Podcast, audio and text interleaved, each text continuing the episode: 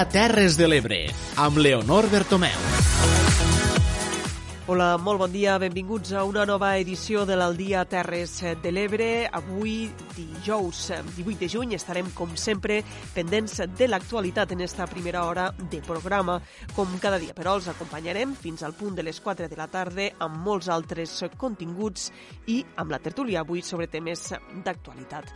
Abans de començar amb el programa, els recordem el nom de totes les persones que fem possible l'Aldia Terres de l'Ebre i que són Tere Giné i Clara Seguí de la Plana Ràdio, Núria Mora, Clàudia i Xavier Falcó des de Ràdio Tortosa, Laia Oltra, Francesc Callau i Daniel Rodríguez des de la Cala Ràdio, Judit Castells i Jonathan Valls des de Ràdio Joventut, Eduard Carmona des de Ràdio Delta i Tomàs Ginestra, Jordi Galo i Manel Ramon des de Amposta Ràdio.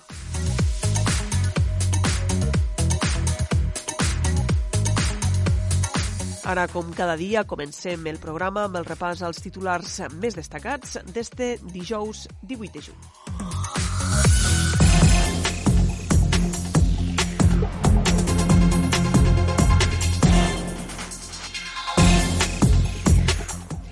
Els centres d'atenció primària de l'Ametlla de Mar, Santa Bàrbara, Alcanar, La Sènia i Horta de Sant Joan recuperaran a partir de dilluns l'atenció 24 hores.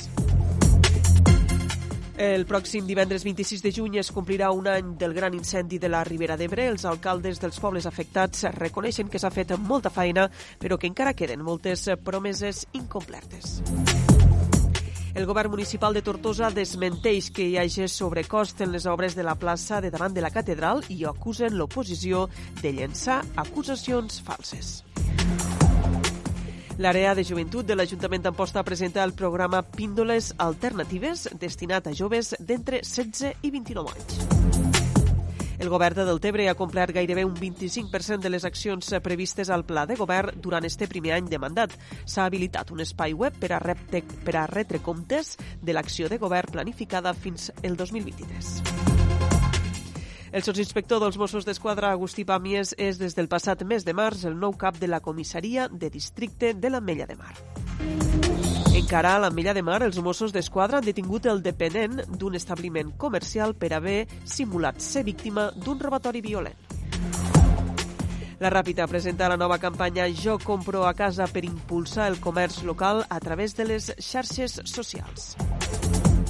I un titular cultural, Fer números, de Joan Carles González Pujalte, guanya el 29è concurs literari Sant Jordi Vila de Santa Bàrbara.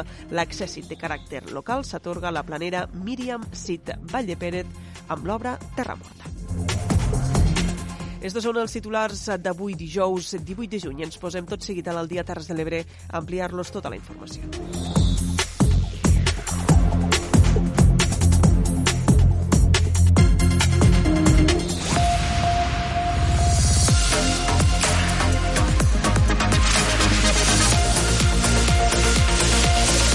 Al dia, les notícies de les Terres de l'Ebre.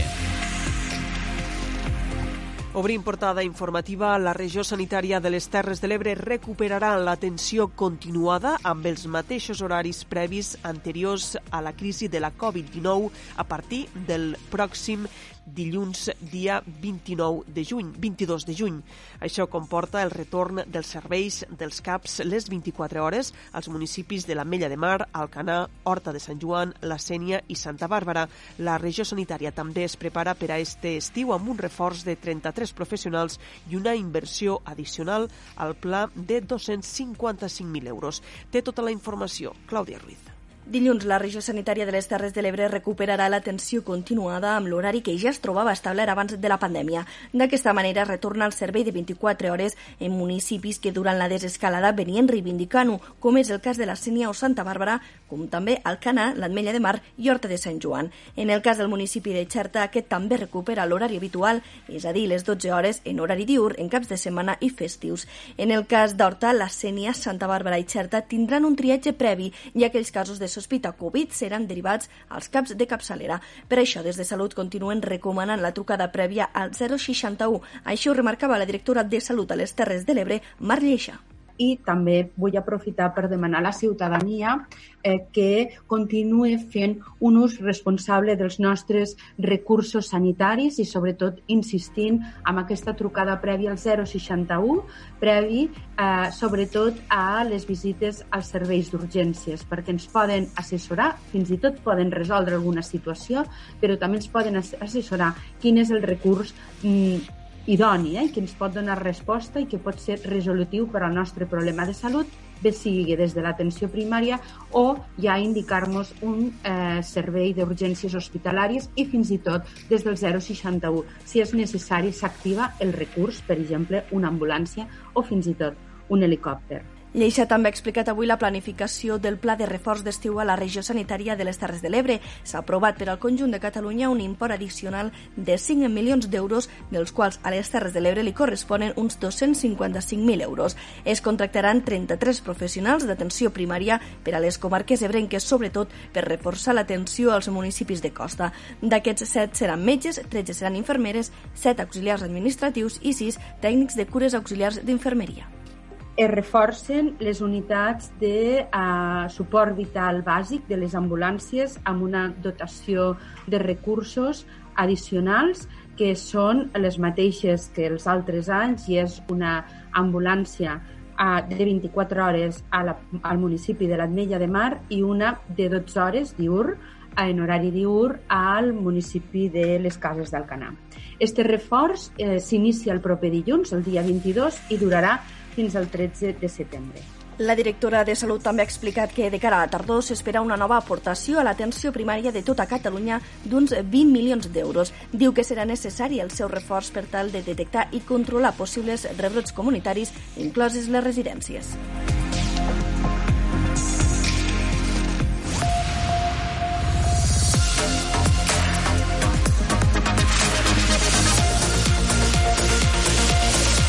Al dia. Seguim amb més qüestions a l'Aldia Terres de l'Ebre. El 26 de juny, divendres que ve, farà un any de l'incendi de la Ribera d'Ebre, el Segrià i les Garrigues, que quedarà marcat com un dels grans incendis de les Terres de l'Ebre i Catalunya. Uns dies abans de l'efemèride i en la setmana que comença oficialment la campanya forestal, els alcaldes de la Ribera d'Ebre afectats han fet balanç aprofitant la visita als treballs de reforestació. És una crònica de Judit Castells. Feina feta, però també promeses incomplertes. A la Ribera d'Ebre, el 26 de juny farà un any del fatídic incendi que va cremar la comarca i a les veïnes del Segrià i les Garrigues se van calcinar 6.000 hectàrees, moltes al terme municipal de Flix. Després de la parada obligatòria pel coronavirus, s'han reemprès els treballs per regenerar la zona cremada. D'una banda, se netegen i se desbrossen finques afectades de branques i fusta cremada que s'aprofita per fer feixines per així evitar el risc d'erosió del sol quan hi ha fortes pluges. També s'estan impulsant tasques de prevenció. Escoltem a Oriol Arola, tècnic forestal i coordinador de les accions de neteja i desbrossat. Estem realitzant dos tipologies d'actuació. Per una banda, unes que són més de prevenció, de prevenció d'incendis, i per una altra, les que són de restauració, de recuperació de finques agrícoles. Per un costat, el tema de prevenció, pues, de vores de vial, de zones així una mica més sensibles, com ara poden ser les vores d'una ermita, perímetres del poble, coses d'aquestes per, per reduir càrrega de combustible, per reduir matollars i, i vegetació. I per l'altre costat, doncs, a nivell de, dels pagesos, els pagesos particulars que el que fan és han, han fet més sol·licituds, en autoritzacions, i el que fem és ajudar-los, ajudar-los a recuperar, a restaurar les finques que, que han estat afectades per l'incendi. Aquesta mateixa setmana també s'ha donat llum verda a l'ampliació del regadiu dels municipis afectats per l'incendi. A Vinebre, la Torre de l'Espanyol, Flix i la Palma d'Ebre valoren els passos endavant. Escoltem a l'alcaldessa de Vinebre i també presidenta del Consell Comarcal de la Ribera d'Ebre, Gemma Karim. Moltes promeses no es compleixen i per això la valoració que fem des del territori és bona. A banda del bosc, han vist que conviuen molt el que és lo, la garriga, el que diem aquí, i els cultius. Molts dels cultius són petits trossos molt, i al ser tan petits els pagesos s'han fet grans i és el que ha passat, que no estaven treballats. I ara, doncs, en aquest ajut de, dels treballadors dels plans d'ocupació, això ho fem tant a la zona d'aquí com a la zona de Flix, doncs ajuda en aquests propietaris també, que tot i que no és la seva primera activitat, els doni una mica de respir, el fet que veguin algú que, que els ajude a netejar, si més no, el seu, lo seu tros. Hi ha promeses, però, que continuen a la casella de sortida. Poc s'ha avançat, lamenten, amb accions per frenar el despoblament. Tampoc s'està comptant amb el territori amb els nous projectes eòlics i solars que se dibuixen a la comarca, que també s'ha renegat de com s'està gestant la creació de la nova Agència Catalana de la Natura. Parla l'alcalde de la Torre de l'Espanyol, Joan Juncà, i també l'alcalde de Flix, Francesc Barbero. Fa un any va venir molta gent de Barcelona a parlar-nos de despoblament, de, del nostre territori i es van fer mil promeses i un any a un any vista l'únic que tenim és un projecte d'Agència Catalana de la Natura que servirà per poc més que per posar càrrecs a dit perquè s'hi guanyin bé la vida i evidentment governat des de Barcelona i sense consens amb el territori i l'altra gran proposta de la Generalitat ha sigut una liberalització absoluta del mercat de les renovables que fa que estigui un altre cop el nostre territori amenaçat i el que no ha aconseguit l'incendi de part de pagesos potser ho aconseguiran les plaques o els molins. Estem en un incendi que va fer molt mal i eh, segons quina zona costa rebotar els tècnics ens diuen que pateixen per si, ha una recuperació completa o no.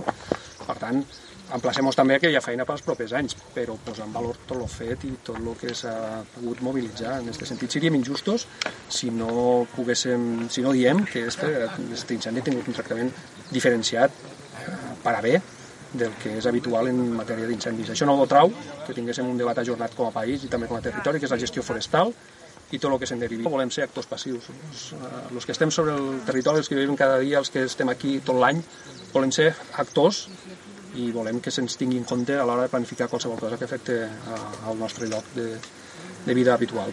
12 mesos després se demostra que passa amb el foc quan hi ha vida als pobles i les finques estan conreades.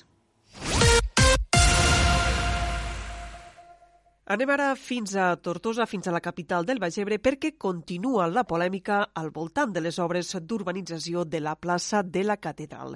El govern municipal de la capital del Baix Ebre ha negat que hi hagi un sobrecost per mala gestió del projecte i ha acusat els grups de l'oposició de mentir. És una crònica de Núria Mora.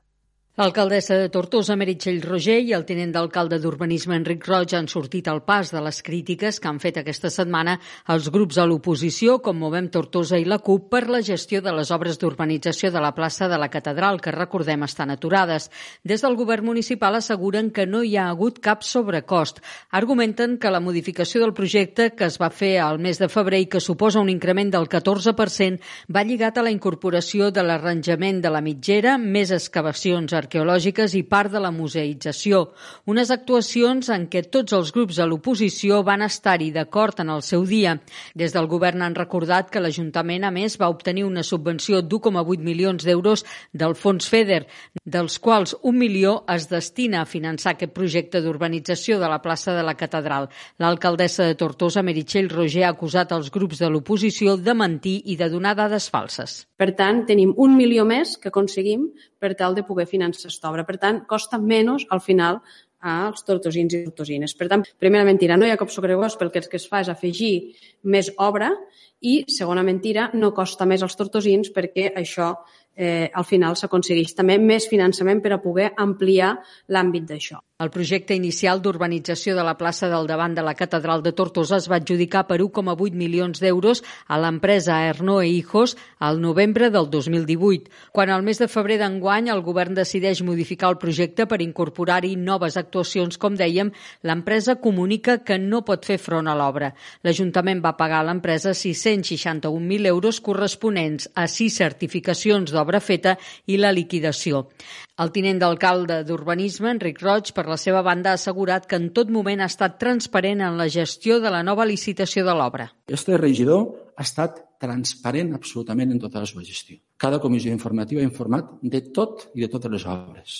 Este regidor no ha amagat cap dada, no ha amagat cap acte de junta de govern local, no ha amagat absolutament res. En quan hem pogut informar, hem informat. I a més a més, jo diria, de dir, bueno, quan veig que certes afirmacions o certes qualificacions, jo li diria, escolteu, voleu dir que no ratlla el pueril? Voleu dir que el que no es pot fer és estar constantment en, en la bronca i en la crispació perquè no he aconseguit aquelles finalitats polítiques que jo volia? Perquè al final, al final el que passa és que tot això el que no fa és bé a la ciutadania ni a la societat tortosina. El govern municipal de l'Ajuntament de Tortosa preveu adjudicar a finals del mes de juliol el projecte modificat de les obres de la plaça de la Catedral, actualment en fase de licitació per un import d'1.797.000 euros i un termini d'execució de 5 mesos. Deixem ara de banda les polèmiques. L'àrea de joventut de l'Ajuntament d'Amposta presenta el programa Píndoles Alternatives destinat a joves d'entre 16 i 29 anys. Fotografia, cuina o comunicació seran alguns dels àmbits temàtics d'esta iniciativa formativa. Ens ho explica tot plegat Manel Ramon. Doncs així és, efectivament, fotografia, cuina, lideratge, comunicació, autodefensa, fabricació de sabons o dinamització d'activitats són les eh, temàtiques eh, dintre de les propostes d'aprenentatge adreçades per a joves que conforma la primera edició de les píndoles alternatives que organitza l'àrea de joventut de l'Ajuntament d'Amposta, un programa formatiu adreçat a joves d'entre 16 i 29 anys que vol ser un tastet eh, introductori a diferents propostes amb l'objectiu d'obrir portes i crear oportunitats. Així ho explicava la regidora de joventut de la l'Ajuntament d'Amposta, Carla Bonfill. Les píndoles alternatives són un programa formatiu adreçat a joves d'entre 16 i 29 anys i al final vol ser un tastet introductori a diferents temes en l'objectiu d'obrir portes i crear oportunitats per als, per als joves. Aquesta és la primera edició, la primera programació que inclou fotografia, cuina, lideratge, comunicació, autodefensa, lettering anglès, entre, entre d'altres, però la idea és que sigui una programació estable que renove cada semestre amb noves propostes formatives dirigides als joves. Al final el que volem és acostar aquestes propostes per a que puguen apropar-se a diferents àmbits temàtics i també obrir les portes del casal, que volem que sigui un espai de referència i d'activitat per als, per als joves de la nostra ciutat. La inscripció als cursos s'ha de fer a través del formulari web. Tots els cursos tenen un preu en funció del contingut i dels materials que s'utilitzaran i l'aforament estarà limitat a les recomanacions de seguretat i higiene establertes amb la nova normalitat. Anem ara fins a Deltebre. El govern municipal ha habilitat un espai web per a retre comptes de l'acció de govern planificada fins a l'any 2023. En este sentit, l'apartat permet consultar les 200 accions previstes a dur a terme i el seu corresponent estat d'execució, finalitzades en procés o pendents de realitzar. Durant este primer any de legislatura ja s'han complert gairebé un 25% de les accions previstes al pla de govern, un 38% estan en procés d'execució i un 37% estan encara pendents de començar. Moltes d'elles s'han vist frenades pel temporal Glòria i per la Covid-19, dos fets que han recordat des del govern municipal modificaran el pla de mandat previst. Escoltem Andreu Curto, portaveu municipal i regidor de Transparència. A pesar de les dificultats que ens hem trobat en este primer any de govern, en les dificultats que va suposar el temporal Glòria o la pandèmia de la Covid-19, el qual ens ha fet eh, reformular moltes de les inversions que teníem previstes, no deixem de banda aquell programa de govern pel qual ens van comprometre davant la ciutadania en les darreres eleccions municipals. En este nou espai web, tothom podrà comprovar quin és el nivell de compliment de les 200 accions que portàvem al programa de govern i de les quals una cinquantena ja han pogut eh, complir i, per tant, han complit en aquell compromís que vam adquirir la ciutadania i la resta estem o bé treballant o bé previstes per a desenvolupar al llarg d'estos eh, propers tres anys que ens queda de legislatura. Este nou espai es pot visitar a la web de l'Ajuntament de Deltebre. Ens quedem encara a la població del Delta de l'Ebre. Esquerra Republicana Més Deltebre ha fet balanç del primer any de legislatura i ha demanat a l'alcalde Lluís Soler un canvi de rumb per afrontar la complexitat del moment. Recorden que Deltebre es troba davant dos reptes que condicionaran el futur del municipi, la regressió accentuada pel temporal Glòria i la crisi econòmica derivada de la Covid-19. El nostre company Víctor Montecino ha seguit l'acte dels republicans. Així ho ha fet saber el seu portaveu Joan Alginet en una valoració del primer any de la present legislatura. La Glòria i el Covid-19, la resposta a aquests dos grans reptes eh, globals, eh, en certa manera, al Covid i locals, eh, el temporal Glòria, de, de la manera que siguessin capaços de donar-li una resposta política també des de l'Ajuntament dependrà el present i futur del nostre poble. El Ginet ha posat en valor la lleialtat d'Esquerra més del Tebre al govern municipal amb temes crucials com el temporal Glòria o la crisi de la Covid-19, on els republicans van presentar 31 propostes al Pla de Reactivació Socioeconòmica o les 27 aportacions que van realitzar a la proposta de pressupost municipal de 2020. Pensem que és perfectament compatible fiscalitzar l'acció de govern, és la nostra responsabilitat i és la nostra obligació, fiscalitzar-la de forma contundent, És la nostra obligació també proposar i donar mà estesa, i és la nostra obligació, com a principal grup de l'oposició i representants de quasi 2.000 veïns i veïnes del nostre poble, que en els moments de dificultat i de crisi estéssim al costat del nostre Ajuntament. El grup municipal, però, ha fet una valoració negativa del primer any del govern de Soler, amb una imatge de poble degradada, amb solars bruts i uns camins rurals en molt males condicions. A més, els republicans han afegit la deixadesa de les instal·lacions esportives i la falta de control a les obres públiques com la plaça de les Dones o el mal estat dels carrers i voreres de Riumar. Continuem tenint problemes estructurals que no hem sigut capaços de resoldre. No només en imatge solucionarem els problemes que té del Tebre. I, per tant, la imatge que és tan important en esta casa, seguim tenint els mateixos problemes de sempre. Perquè la imatge desdibuixarà la realitat, la disfressarà, però en cap cas la substituirà. I, per tant, hem de ser conscients de que la imatge del nostre poble continua sent la mateixa. Del Tebre, segons els republicans, té un govern que no té cap voluntat de consens sense un rumb marcat. Continuem amb més balanços d'este primer any de legislatura. Anem ara a la capital del Montsià. El portaveu de Junts per Amposta, Manel Macià, ha demanat a l'equip de govern d'Adam Tomàs més llibertat i transparència. Macià ha fet un resum positiu de les seues accions i propostes en este primer any de mandat. Escolt, ens ho explica Manel Ramon. El regidor i portaveu de Junts per Amposta, Manel Macià, ha fet una valoració del seu primer any com a regidor a l'Ajuntament d'Amposta. En aquesta valoració demana especialment més llibertat i transparència a l'equip de govern. Fa constar que no s'ha complert cap de, dels eh, paràmetres fa constar que no s'ha complert cap dels paràmetres eh, que prometia l'equip de govern en llibertat i transparència. Així assegura que això ha servit per justificar l'aprovació d'un ROM que atenalla la llibertat d'expressió als plens, limitant, per exemple, el temps d'exposició o el nombre d'emocions. Una modificació que fa un any que està en suspens de la seva aprovació definitiva com a amenaça, diu, latent a tota l'oposició. Pel que fa a la transparència amb l'oposició, assegura que s'entreguen els documents tard i que molts cops la informació és incorrecta quan arriba a l'oposició. Escoltem a Manel Macià, portaveu de Junts per Amposta. Eh, respecte, respecte al funcionament de, de l'Ajuntament, nosaltres eh, des del primer moment vam demanar eh, dos coses, bàsicament dos coses. Llibertat eh, per a treballar i transparència.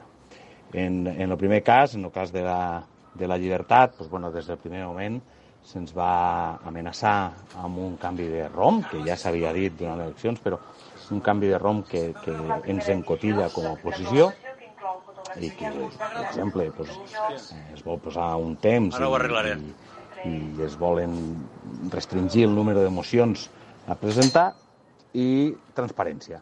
Transparència no entenem com, per exemple, eh, se'ns dona la informació tard, algunes vegades fins i tot malament, amb rectificacions a, a d'última hora. No, no ho entenem, no ho entenem.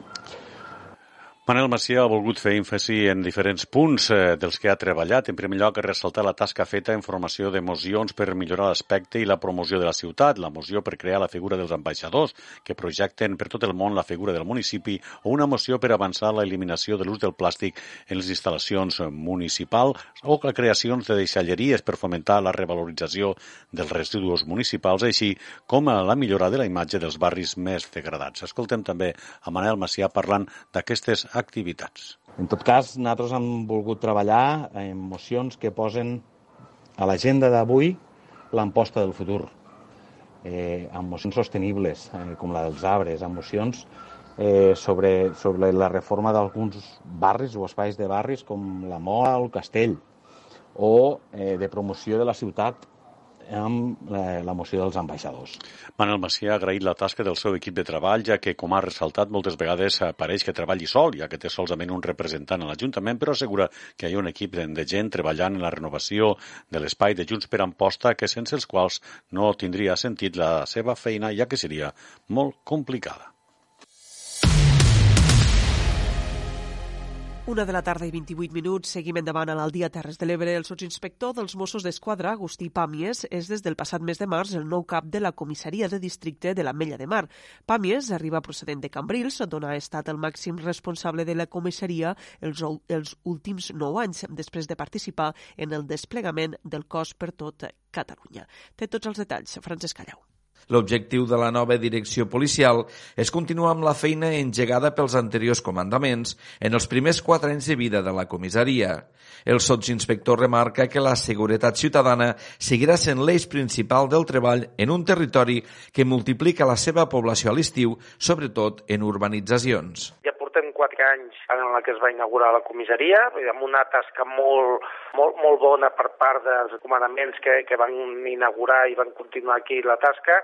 I, evidentment, eh, sí que és veritat que, que jo vinc d'una comissaria com, com és Cambrils, que és molt similar aquí perquè nosaltres ens triplica, també allí es triplicava la població, que, que, que és més o menys el que passa aquí, que, que, que doncs l'estiu té la seva importància, amb, amb, amb unes urbanitzacions molt grans i molt importants de segona residència, i, i evidentment doncs, doncs el repte és continuar ja la, la tasca que, que s'ha fet durant aquests anys i, i tot el que es pugui millorar i reforçar evidentment doncs, intentarem fer-ho en, en el dia a dia en el seguiment de, dels fets que anem, ens vagi plantejant doncs, doncs tot, eh, i no sol això, i tornem a estar amb el mateix, eh, i, i, i el seguiment que ens pugui portar el, el, el Covid. Pàmies també ha destacat la bona coordinació amb la policia local que s'ha posat de relleu durant l'estat d'alarma.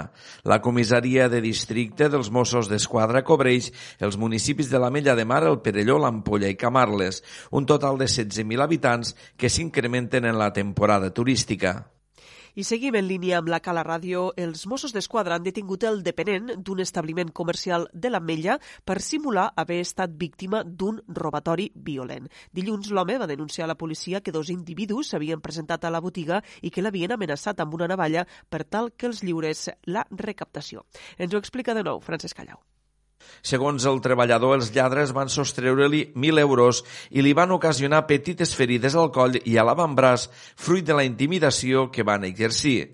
La investigació, però, va concloure que l'home s'havia inventat el suposat atracament per obtenir un benefici econòmic i que fins i tot s'havia produït petites lesions per tal de justificar-se.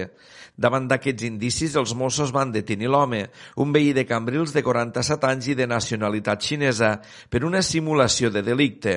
Un cop va declarar a comissaria, el dependent va quedar en llibertat a l'espera de compareixer davant el jutge quan sigui requerit. Canviem de qüestió, la Ràpita ja ha presentat el primer vídeo de la nova campanya Jo compro a casa per impulsar el comerç local a través de les xarxes socials. Ens informa Judit Castells. La Ràpita presenta el primer vídeo de la nova campanya hashtag Jo compro casa. Hi haurà un total de 5 càpsules i un spot final que es distribuiran per les xarxes socials amb l'objectiu de rellançar el consum intern als negocis de la població en el context de la crisi provocada per la pandèmia del coronavirus. El primer vídeo recorda el rescat marítim dels tripulants del vaixell Santa Petra als anys 50 del segle passat en paraules del pescador jubilat José Elors, Pepito lo Guapo, que va participar en aquell rescat. Una campanya que, com el seu nom indica, Pública eh, té el principal objectiu de dinamitzar i de potenciar les empreses i els comerços del nostre poble. Una campanya que consistirà en, en cinc càpsules, cinc càpsules que toquen diferents sectors eh, econòmics del nostre, del nostre municipi eh, i després aquestes cinc càpsules acabaran eh, conformant un, un vídeo, un spot promocional de les empreses del nostre poble, dels comerços del nostre poble, en definitiva un vídeo que ajudarà a impulsar els negocis i els establiments de, de la Ràpita. Aquesta campanya, hashtag Jo compro casa, forma part de les accions que el govern municipal ha engegat per donar resposta a la crisi de la Covid-19 en un pla anomenat Impulsem la Ràpida, coincidint amb l'entrada en vigor de l'anomenada nova normalitat i la possibilitat de tornar a viatjar per tot el territori. L'Ajuntament Ràpitenc també presentarà una nova campanya comunicativa per promocionar el municipi com una destinació segura i atractiva pels visitants. Parlem ara d'agricultura. La Federació de Cooperatives Agràries de Catalunya ha reclamat un ajut específic per a les explotacions de secà davant la caiguda del preu de l'ametlla. La cotització de la llotja ha passat de 5,30 euros el quilo al mes de gener a 3,40 euros actualment. Ens ho explica Tere Giner. Efectivament, la Federació de Cooperatives Agràries de Catalunya ha expressat la seva preocupació per la caiguda de preus en el mercat de l'ametlla després que es donés a conèixer l'estimació de collita d'aquest fruit sec a Califòrnia. La cotització de l'ametlla a la llotja de Reus ha caigut al juny fins als 3,40 euros quilo respecte als 5,30 del gener.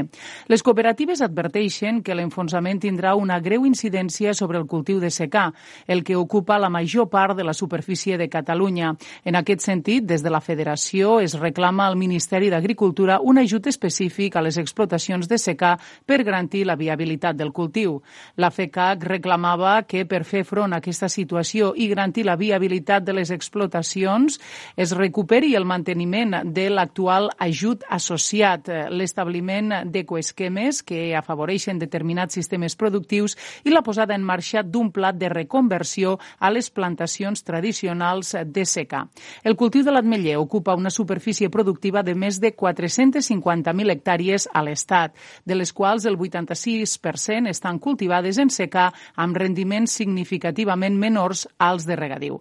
Les importacions d'ametlla americana a la Unió Europea augmenten el 17,6% respecte al 2019 per la producció rècord a Califòrnia, que es preveu de 1.361.000 tones. La situació del sector també s'agreuja pel tancament del canal Oreca com a conseqüència de la Covid-19 la pràctica desaparició de les explotacions i la important caiguda de la cotització de l'ametlla en els darrers mesos en les diferents llotges nacionals. A la llotja de Reus, l'ametlla es cotitzava al gener amb 5 euros 30 el quilo, enfront als 3,40 euros quilo la segona setmana del mes de juny.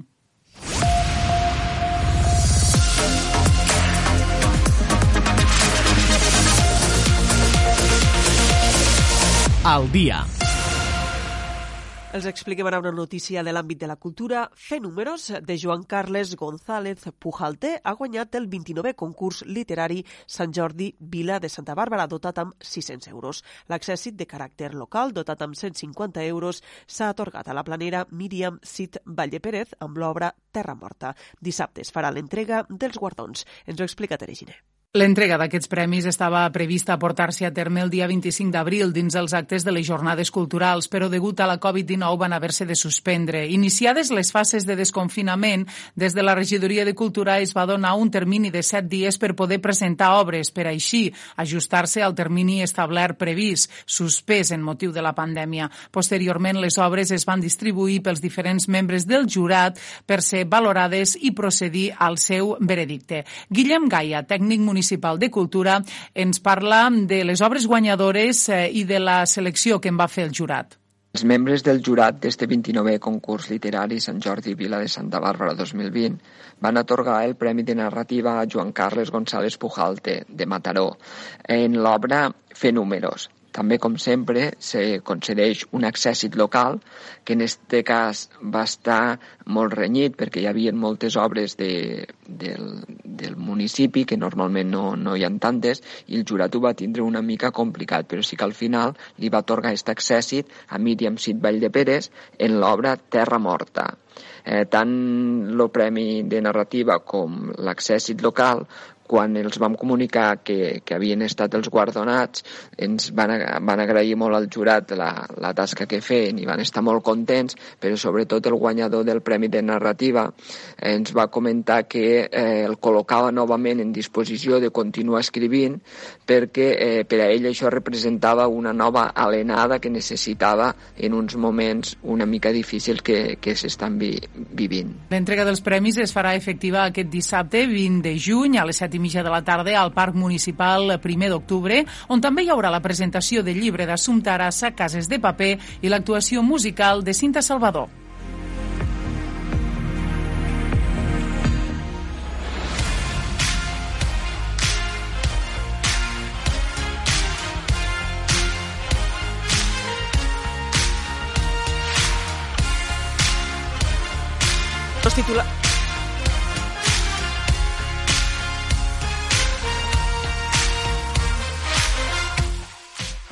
Repassem ara la informació esportiva amb els eh, titulars.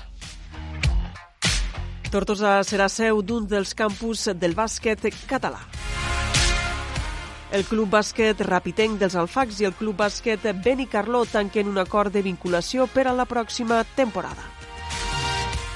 La Cala fitxa Miquel Reverter de l'Ull de Cona i Miqui Frank del Redis. I les jornades esportives de Santa Bàrbara continuen amb les sessions de jumping.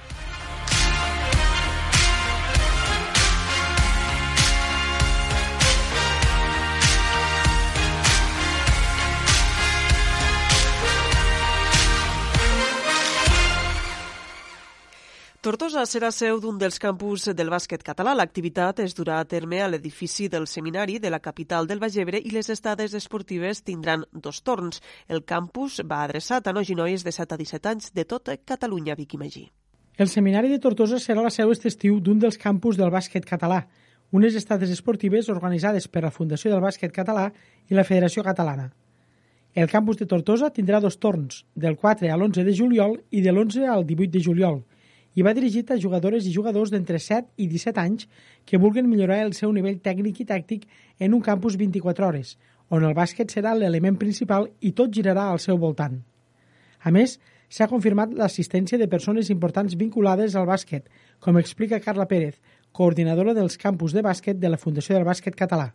A més a més, formar-vos de que els jugadors conviuran amb jugadors professionals com són aquest any la Núria Martínez, jugadora de l'Uni Girona, de Lliga Femenina, el Jordi Trias, que és exjugador professional ACB, i a més també tenim una formació de 3x3 a càrrec del Jaume Comas, que repeteix enguany amb nosaltres.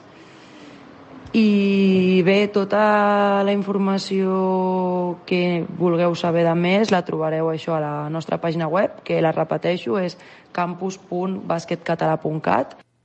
El preu per torn és de 445 euros i l'allotjament dels nois i noies és en règim de pensió completa.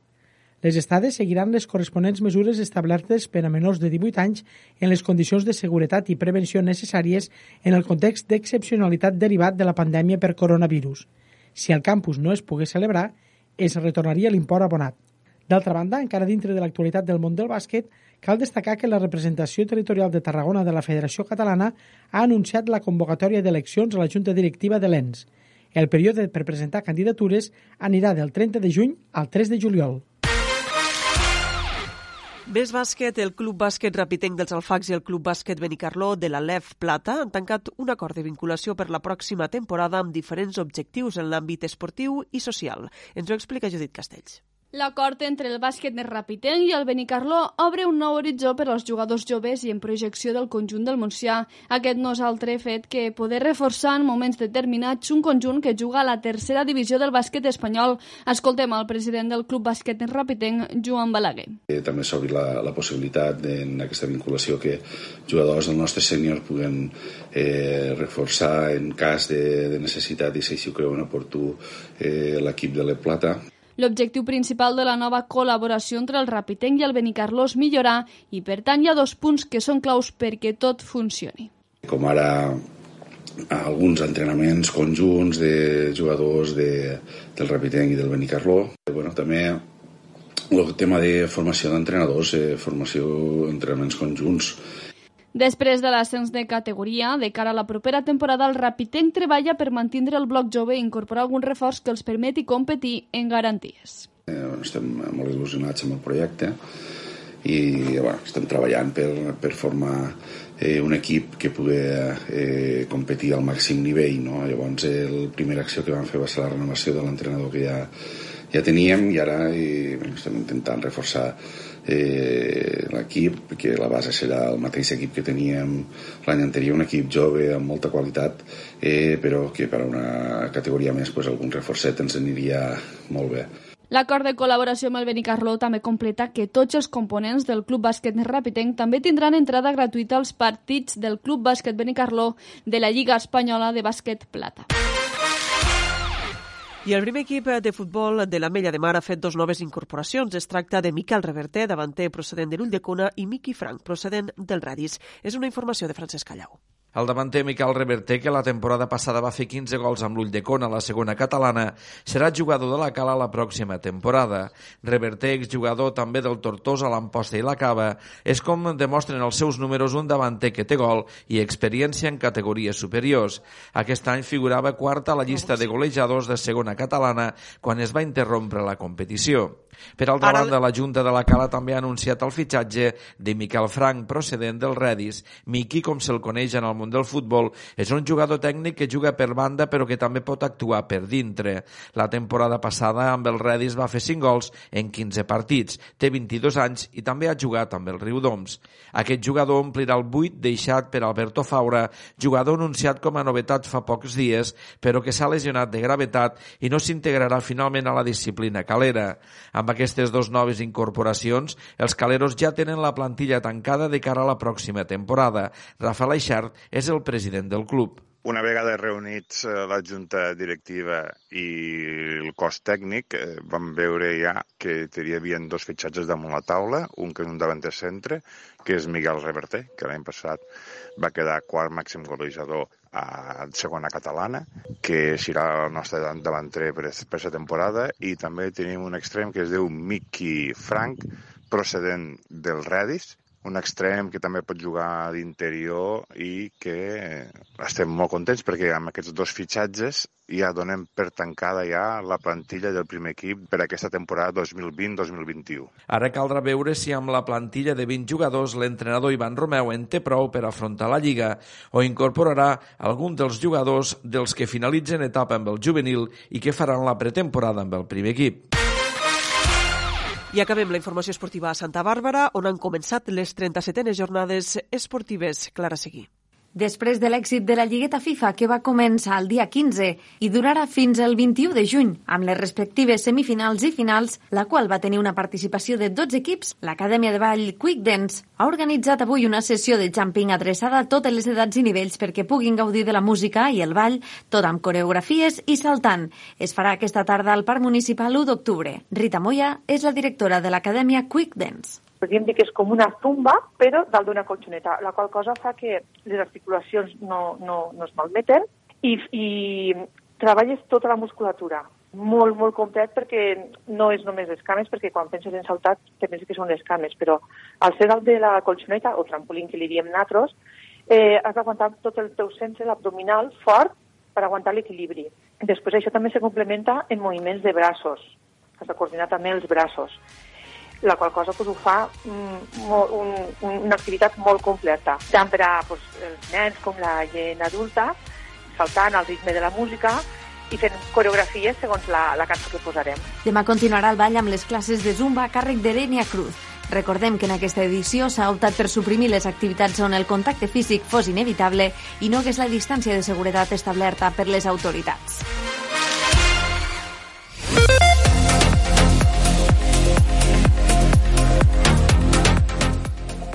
Temps ara per a l'entrevista. El grup de recerca Interfibio de la Universitat Rovira i Virgili tindrà enllestit i validat al mes de juliol un nou test de diagnòstic ràpid del SARS-CoV-2 o el nou coronavirus. El nou test permetrà amb només una punxada i en un temps d'espera aproximat de 15 minuts obtindre la màxima informació sobre si la persona que l'ha fet té la malaltia, si l'ha passat i ha generat anticossos o si no la té ni l'ha passat. El, prototip, el prototip ja està pràcticament llest per a la seva fabricació industrial.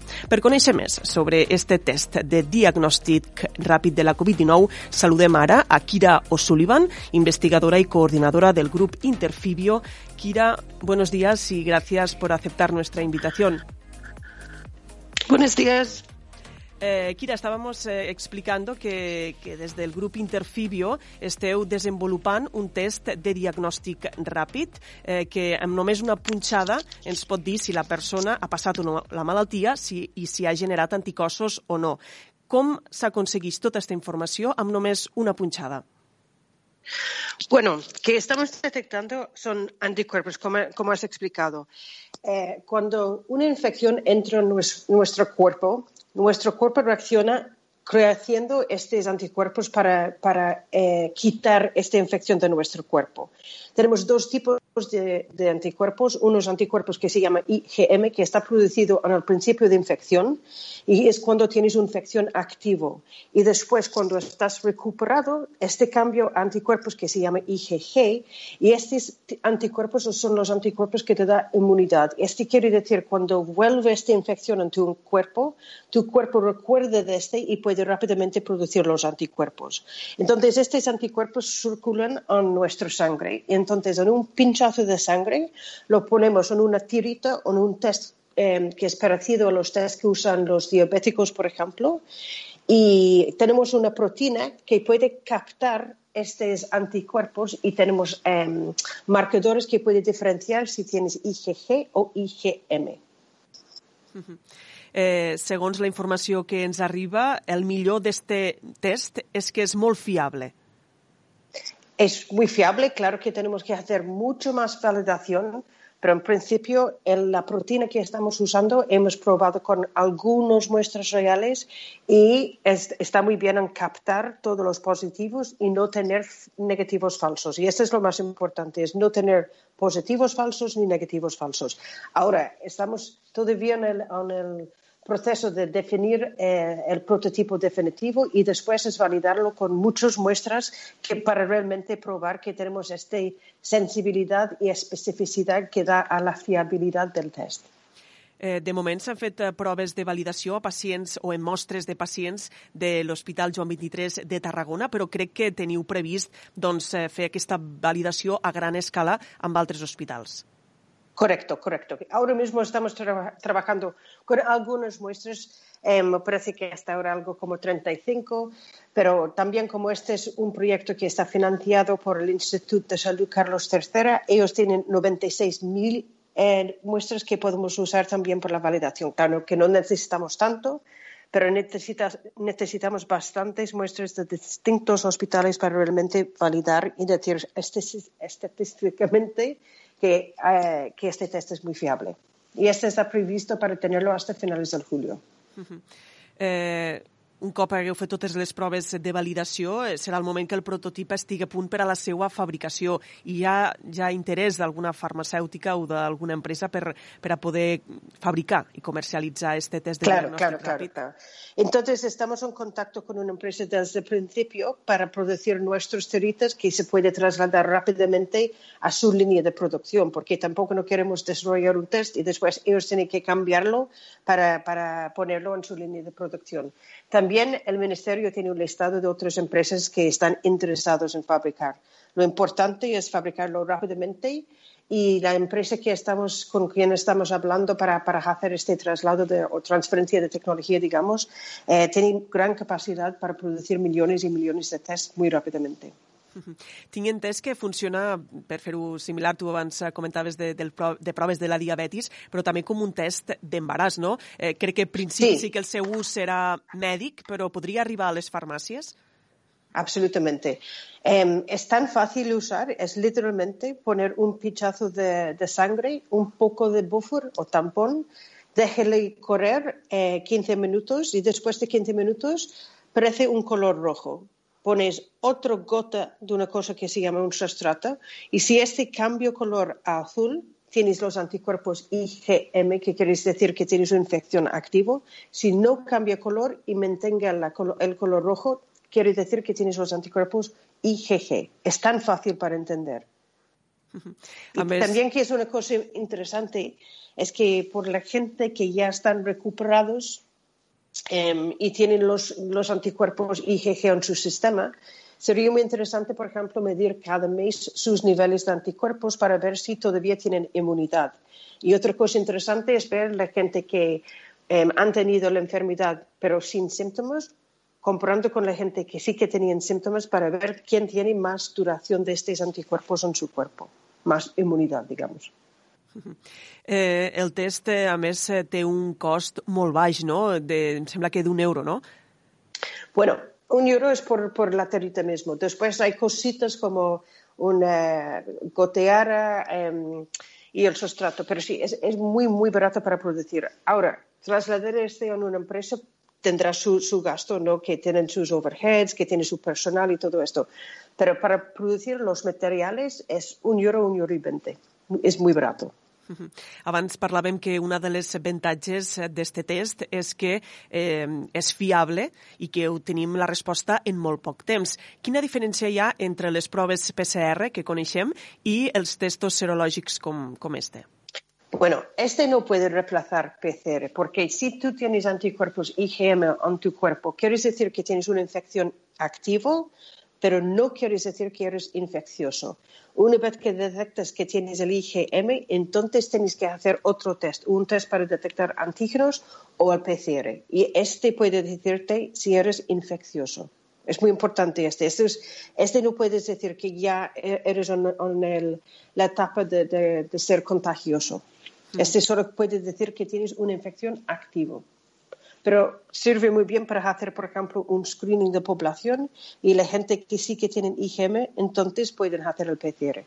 Para evitar que todo el mundo esté haciendo PCR, que es más lento, hay que hacerlo en el laboratorio, es mucho más caro, etc. Per tant, serviria per fer no, un cribatge massiu per saber quantes persones han passat la malaltia o no. También, también que sería muy interesante porque este estudio que hizo el Instituto de Salud eh, Carlos III, que es muy interesante, pero solo han, han hecho un análisis de 96.000 96 personas. Este servirà per a hacer más, uh -huh. más tests. Abans em comentaves que qui us fa l'encàrrec eh, de fer este text de diagnòstic ràpid ha estat l'Institut Carlos III. De, des d'on parteix la investigació? De quin punt de partida partíeu?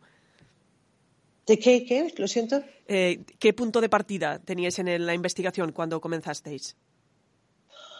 Bueno, eh, hemos trabajado en este tipo de test antes, pero hemos aprendido mucho, mucho en los últimos eh, dos meses y muy rápidamente. Pero sí que tenemos experiencia en expresar proteínas en el desarrollo del, del lateral flow. Fue la primera vez trabajar con pinchazos de sangre y también hacer este tipo de test que puedes detectar dos, dos distintos tipos de anticuerpos en una tirita. Pero bien, eh, hemos tenido un background i hem aprendido mucho en los últimos dos meses. El calendari que teniu a partir d'ara és que el test ja pugui estar, el que comentàvem al principi, eh, que a finals de juliol pugui estar del tot validat. Esto es lo que esperamos y es lo que estamos trabajando en ello. Pero sí, sí, está previsto para tener el test validado en varios sitios, en varios hospitales dentro de Cataluña y fuera de Cataluña también, para que entonces podamos decir con, con con confianza que ahora sí, que se puede trasladar a la, a la, al proceso de fabricación en una escala industrial. Por último, Kira, explícanos un poco qué es el grupo Interfibio, eh, que ahora os conocemos por esta investigación, pero ¿qué, qué hacéis normalmente? Normalmente eh, hacemos, desarrollamos herramientas para, para, hacer análisis, herramientas que están sencillo para usar como, como estos rapid test para hacer um, diagnósticos, para mirar la calidad de, de comida. También tra trabajamos con IRTA para, para, ver, para, para, ver la calidad de pescado. Eh, básicamente, herramientas que están muy fácil para usar para hacer análisis.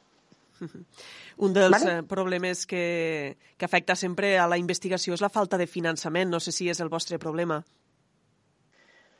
Bueno, sí que es un problema, es un problema por todos los grupos de investigación, ¿no? Somos muchos grupos y hay poco dinero y nosotros básicamente dependemos uh, en una Unión Europea. Nuestros proyectos generalmente están financiados por allí, pero es un problema en general por todos los grupos de investigación. Ya. Yeah. D'acord. Doncs moltíssimes gràcies a Kira O'Sullivan, coordinadora del grup Interfibio de la Universitat Rovira i Virgili, que, insistim, està treballant en este nou test de diagnòstic ràpid de la SARS-CoV-2 o nou coronavirus. El nou test permetrà saber amb només una punxada si el pacient eh, té la malaltia, si l'ha passat i també si ha generat anticossos. Kira O'Sullivan, moltíssimes gràcies per ser avui al nostre programa i fins una altra. Moltes gràcies. Adéu.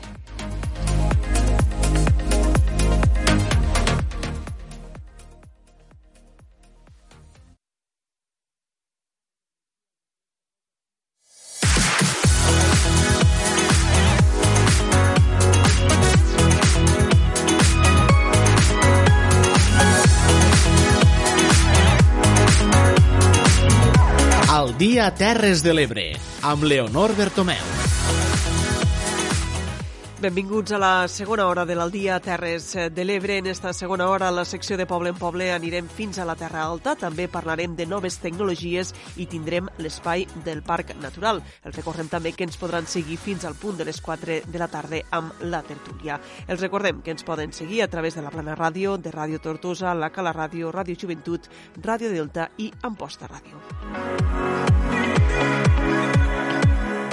Ara, abans d'entrar en matèria, anem a repassar els titulars més destacats d'avui dijous, 18 de juny.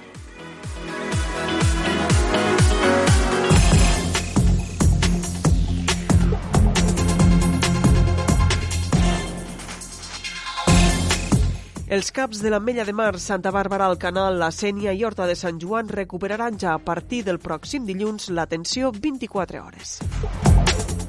El pròxim divendres 26 de juny es complirà un any del gran incendi de la Ribera d'Ebre. Els alcaldes dels pobles afectats reconeixen que s'ha fet molta faena però que encara queden moltes promeses incomplertes.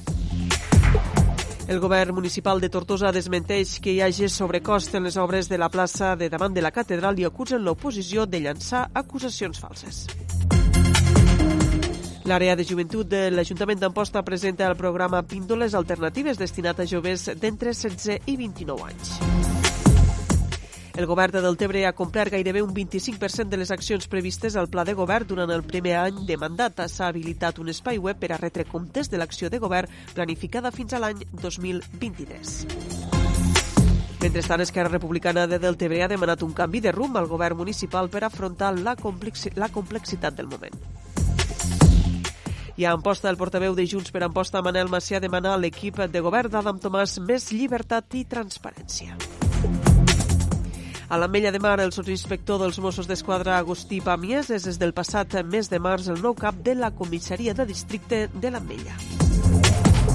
També a la Cala, els Mossos d'Esquadra han detingut el depenent d'un establiment comercial per simular haver estat víctima d'un robatori violent. La Ràpita presenta la nova campanya Jo compro a casa per impulsar el comerç local a través de les xarxes socials. Acabem amb un titular de cultura. Fer números de Joan Carles González Pujalte guanya el 29è concurs literari Sant Jordi Vila de Santa Bàrbara.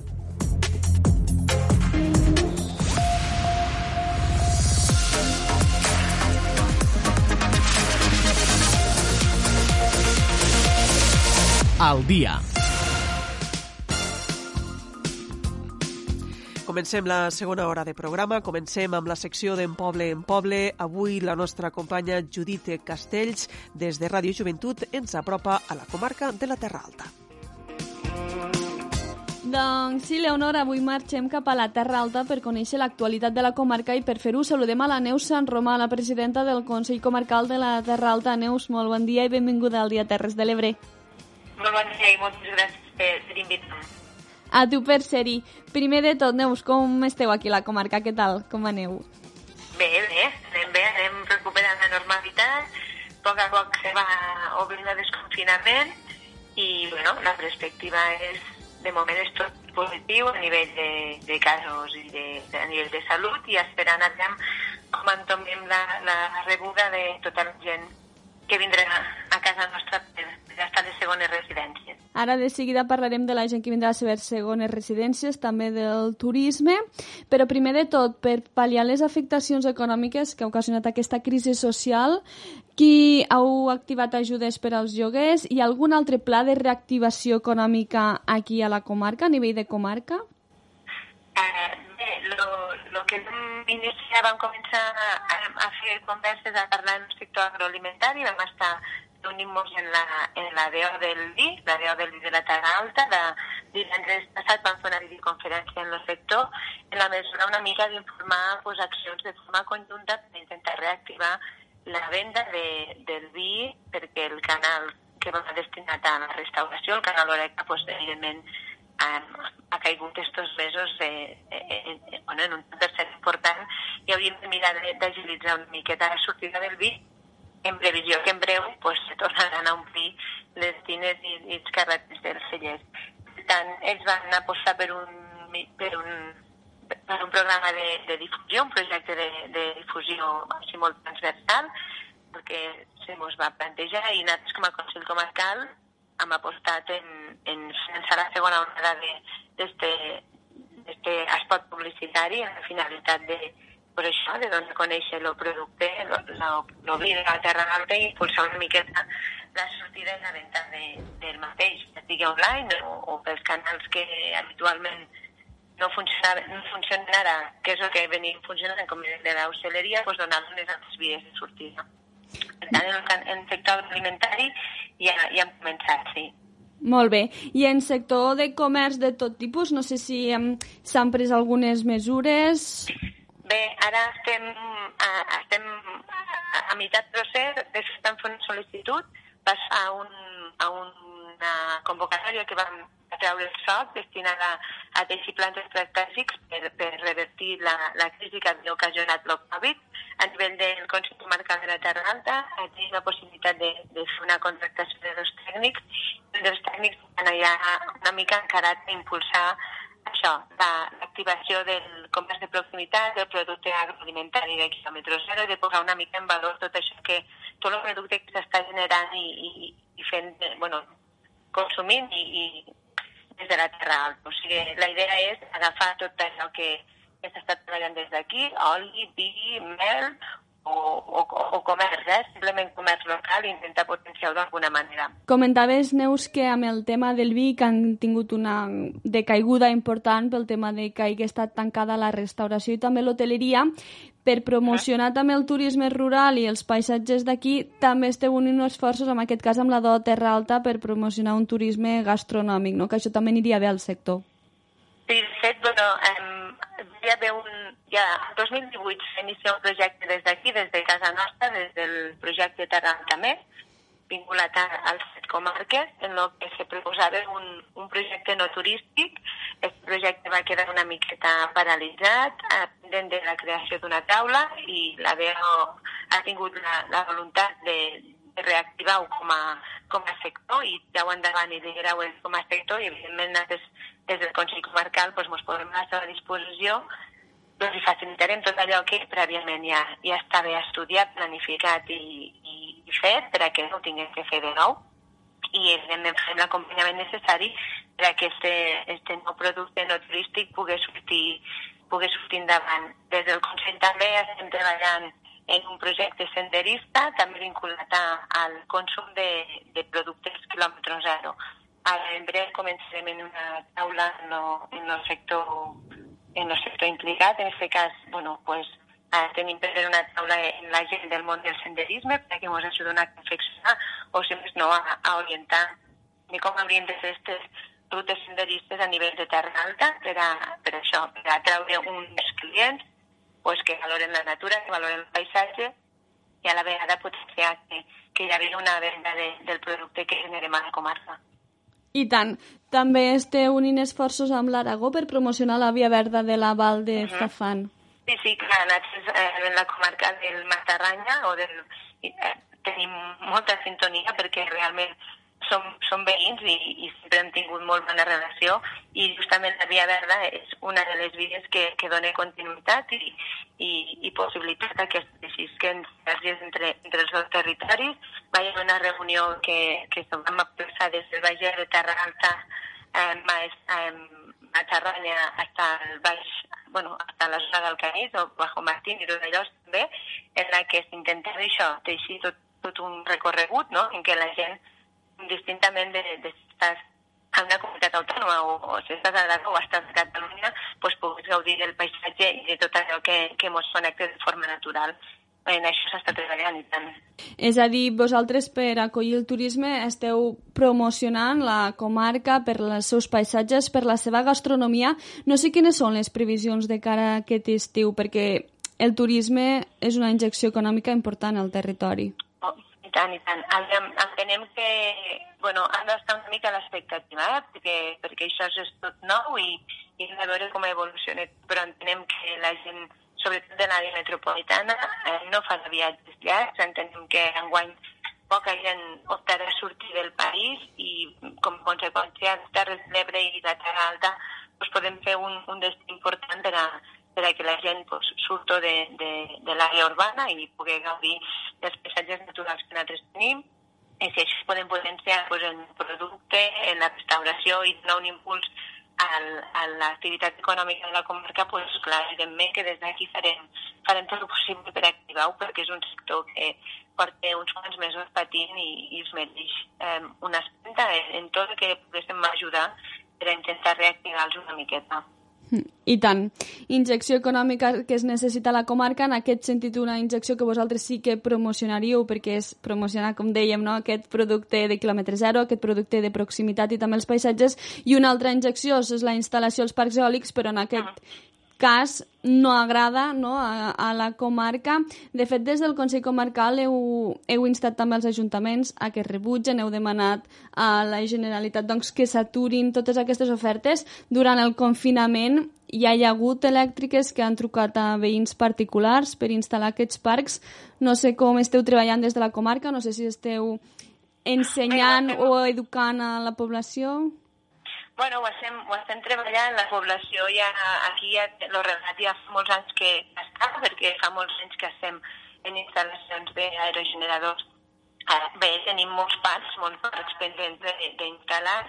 Com més tu has dit, al Consell Comarcal se va passar una moció, se va aprovar per unanimitat de, de tots els que estem presents. Aquesta moció s'està passant ja per tots els ajuntaments de la comarca, perquè tant com se mos va dir des de la delegació del govern i des del Departament de, de del Departament d'Empresa, perdó, eh, no, diuen que la voluntat del poble es tindrà en compte i, per tant, les mocions aprovades per plenari pues, també se tindran en compte. Pues, estem en aquest pas, estem en el pas de, de que tots els ajuntaments de la comarca se posicionen al respecte, en la voluntat que, que a través del plenari pues, demostren. Hi ha ajuntaments que, que han votat la moció, esperem que aquí a finals de juliol eh, totes les mocions puguen estar entrades de tots els ajuntaments i hi havia aquesta unanimitat de, de rebuig a la massificació, que no és rebuig a les energies renovables, mm -hmm. m'agradaria aquesta, aquesta puntualització i bueno, a l'espera de que això juntament en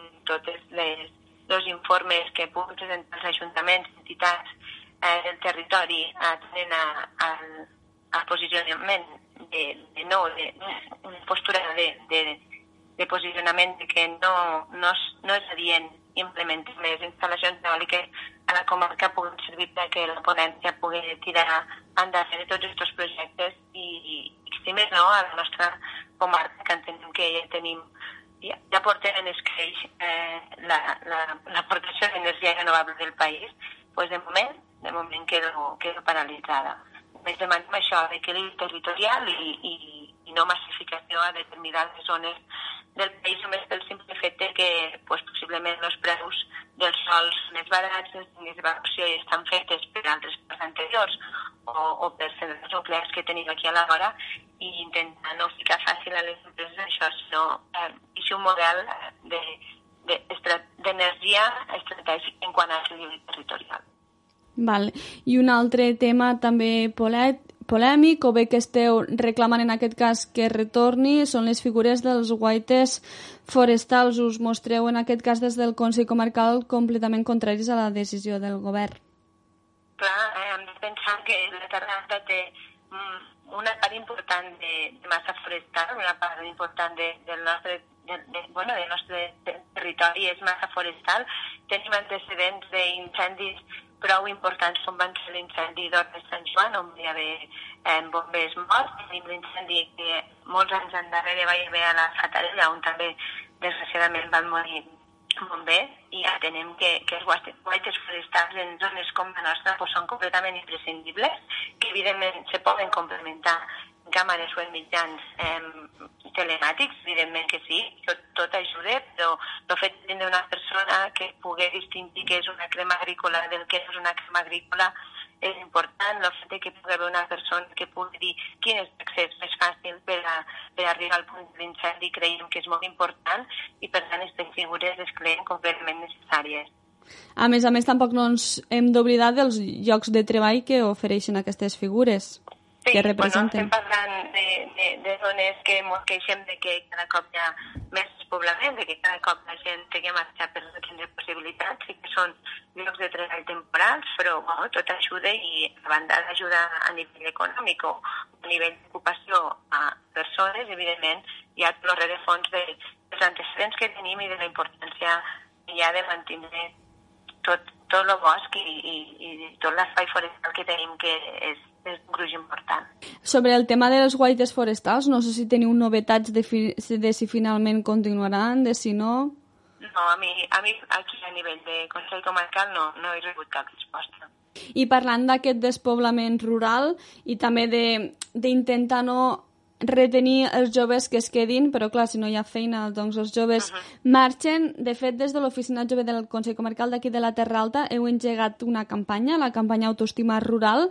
Quin és l'objectiu d'aquesta campanya i com hi treballeu? L'objectiu de la campanya d'estima rural és justament això, eh? és fer veure als joves que, pues, que viure a, a, a zones rurals com la nostra no significa perdre qualitat de vida, no significa perdre oportunitats, sinó tot el contrari. És, eh, és intentar fer atractiu per al jovent de que es queda, de que es vulgui implementar aquí, de que treballar des d'aquí és possible i que des d'administracions com les nostres el que tenim que fer, la nostra obligació és intentar a, a tot el jovent i a, a totes les persones que, que vulguin eh, quedar a, a, a terra alta o a zones rurals com les nostres, eh, totals d'infraestructures de tot el necessari per a poder tindre una, una vida laboral còmoda, àgil i a l'alçada de les que poden tindre a l'àrea metropolitana, però a la vegada qualitat de vida que es pot tindre en zones rurals com les nostres. La idea és una mica començar a desmitificar el tema de, de que marxant cap a l'àrea metropolitana em solen les oportunitats i que quedant a poblacions com les nostres totes les oportunitats que, que podria estar perdent. Entenem que això s'ha de reconduir, s'ha de treballar per el territori sempre de forma positiva. I tant. Neus, no sé si amb el tema de l'estat d'alarma, amb aquest confinament domiciliari, s'ha notat la diferència de qualitat de vida de les zones rurals. No sé si també el fet d'haver vist que es pot treballar des de casa telemàticament, fer teletreball, això també us dona d'alguna manera una oportunitat per demostrar que aquí poden viure, és a dir, tenir la seva casa, arrelar-se al territori i, de fet, des de distància també podrien treballar en altres llocs que volguessin, no sé, una empresa més gran o depèn de quina feina que sí que hauria d'estar la seu a, un, a una ciutat més gran? Bueno, al final el que Bitxego ha tingut és que a la força tots ens hem tingut que acostumar a, a fer el teletreball. Possiblement tots ho tenim en ment i mai ningú ho acaba d'implementar. A la força ho hem tingut que fer i hem vist pues, que els resultats són relativament, bueno, són àgils, són còmodes, sí que hem de dir que almenys a la nostra comarca tenim mancances importants en quant a, a xarxes de telecomunicacions, no tenim fibra òptica i això sí que dificulta molt a vegades les possibilitats de comunitat d'una forma clara però tot i així en això hem de treballar i en això ha d'aconseguir arribar a tindre fibra òptica el més bé possible.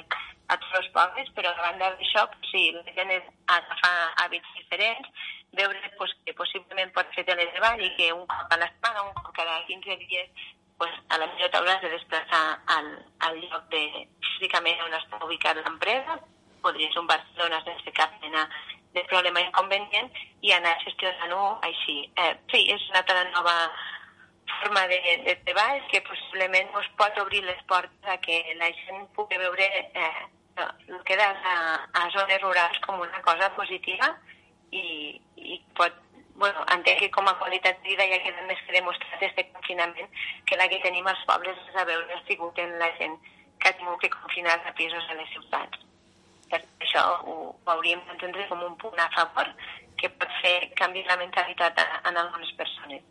I tant, jo crec que, que aquesta qualitat de vida durant aquests darrers mesos que es viu als pobles i a les zones rurals amb paisatges i amb espais oberts s'ha notat. Eh? Jo crec que la gent ja ho està començant a valorar més. Mm.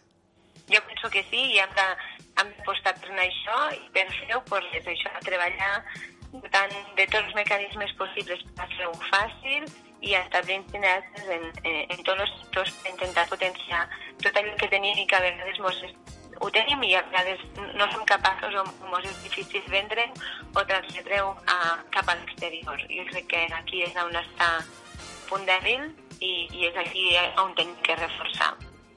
I tant, doncs, Neus Sant Romà, presidenta del Consell Comarcal de la Terra Alta, molts d'ànims per continuar treballant, promocionant aquesta comarca i creure també no, amb les potencialitats que hi ha. Moltes gràcies i estirem en contacte. Molt bé, moltes gràcies a tots.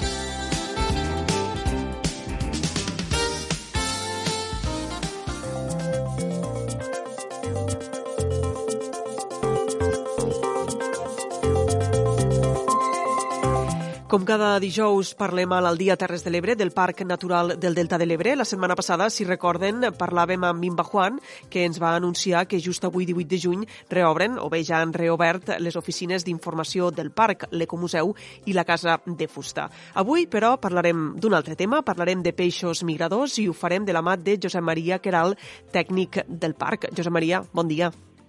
Hola, bon dia, què tal? Primer que res, comencem pel més bàsic, eh? Què és un peix migrador? Sí.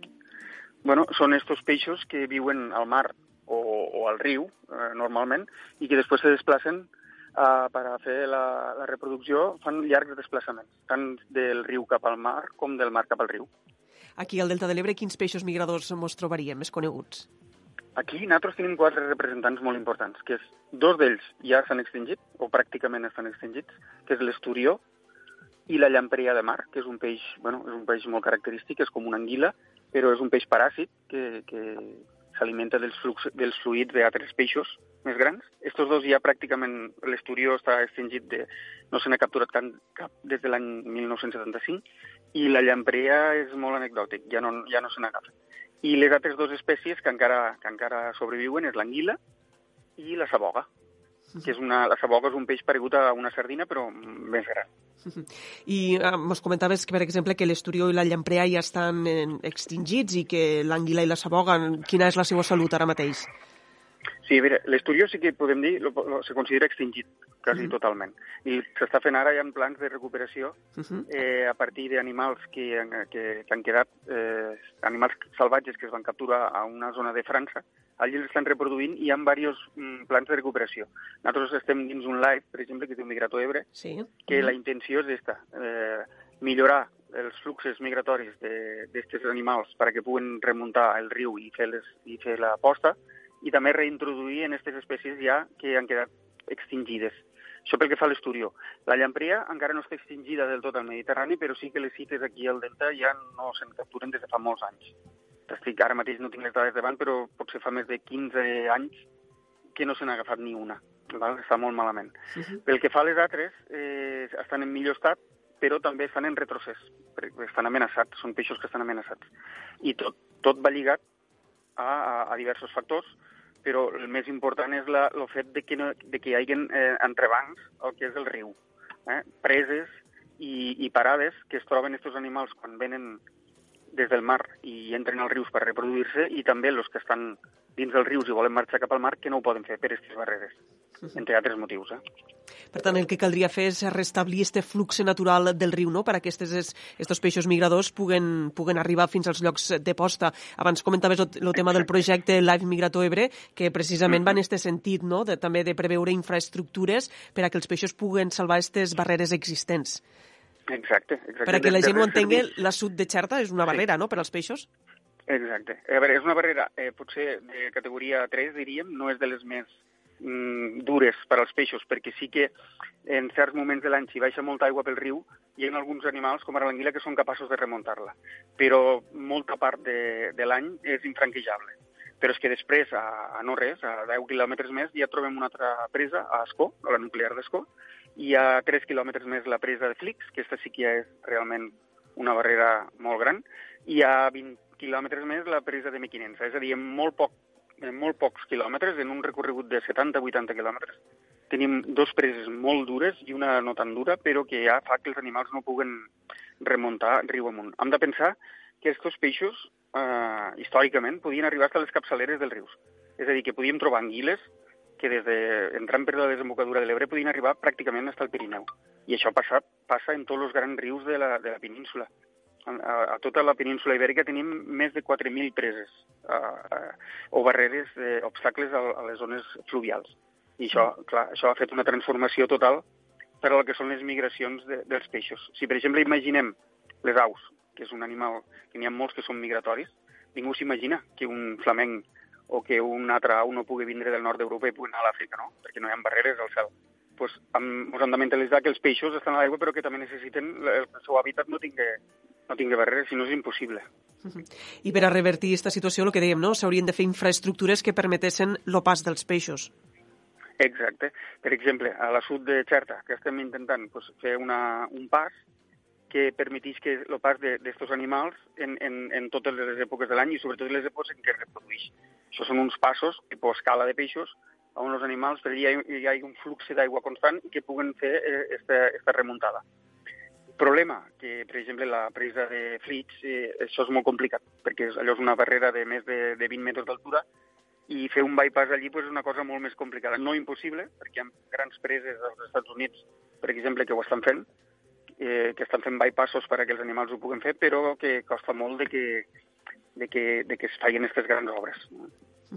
I este problema dels peixos migradors no és només un problema d'aquí, no? Entenc que és un problema a escala mundial. O altres països tenen més, eh, més cura o no? O vigilen més estos temes?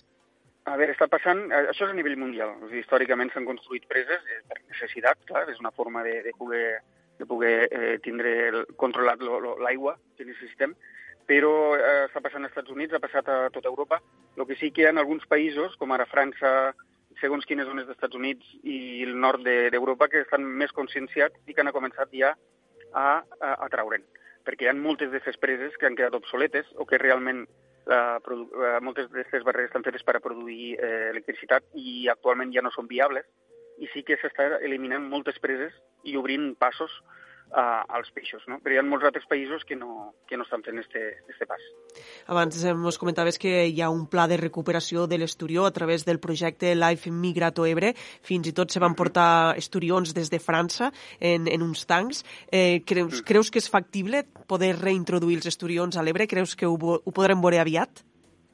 A veure, aviat no crec eh, factible, jo crec que sí que pot arribar a fer-se si es fan les coses bé, si facilitem el pas dels animals, si podem fer una mica de control d'aquestes espècies exòtiques que també competeixen en, en animals i la qualitat de l'aigua va millorant, com a l'Ebre de moment sembla que està millorant, doncs a llarg plaç jo crec que sí, que podria ser viable, però això no ho veurem en seguida.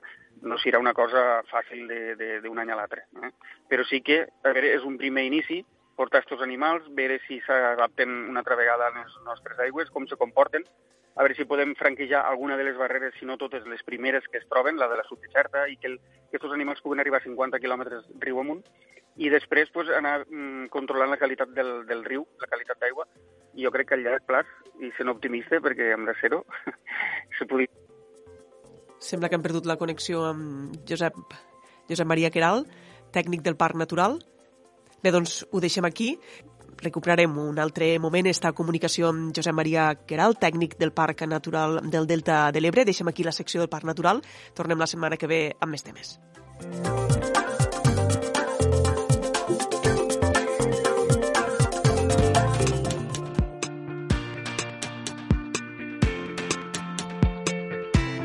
Temps ara al dia Terres de l'Ebre per a l'espai TIC. Avui parlem de problemes tecnològics amb Tere Giner fraus telefònics, amenaces digitals, atacs de correu electrònic. La veritat és que sembla una mena de guerra digital o és una mena de guerra digital. Avui volem parlar, aquest espai TIC, volem posar de manifest aquestes situacions que d'una manera habitual solen formar part ja de la nostra vida diària. I és que, clar, eh, utilitzem moltes noves tecnologies o moltes tecnologies i és normal que de vegades pues, eh, eh, poguéssim tindre algun que altre tipus de, de problema, i ja per no parlar de suplantació d'identitat, que també és un altre d'aquests problemes eh, en, en l'ús de les noves tecnologies.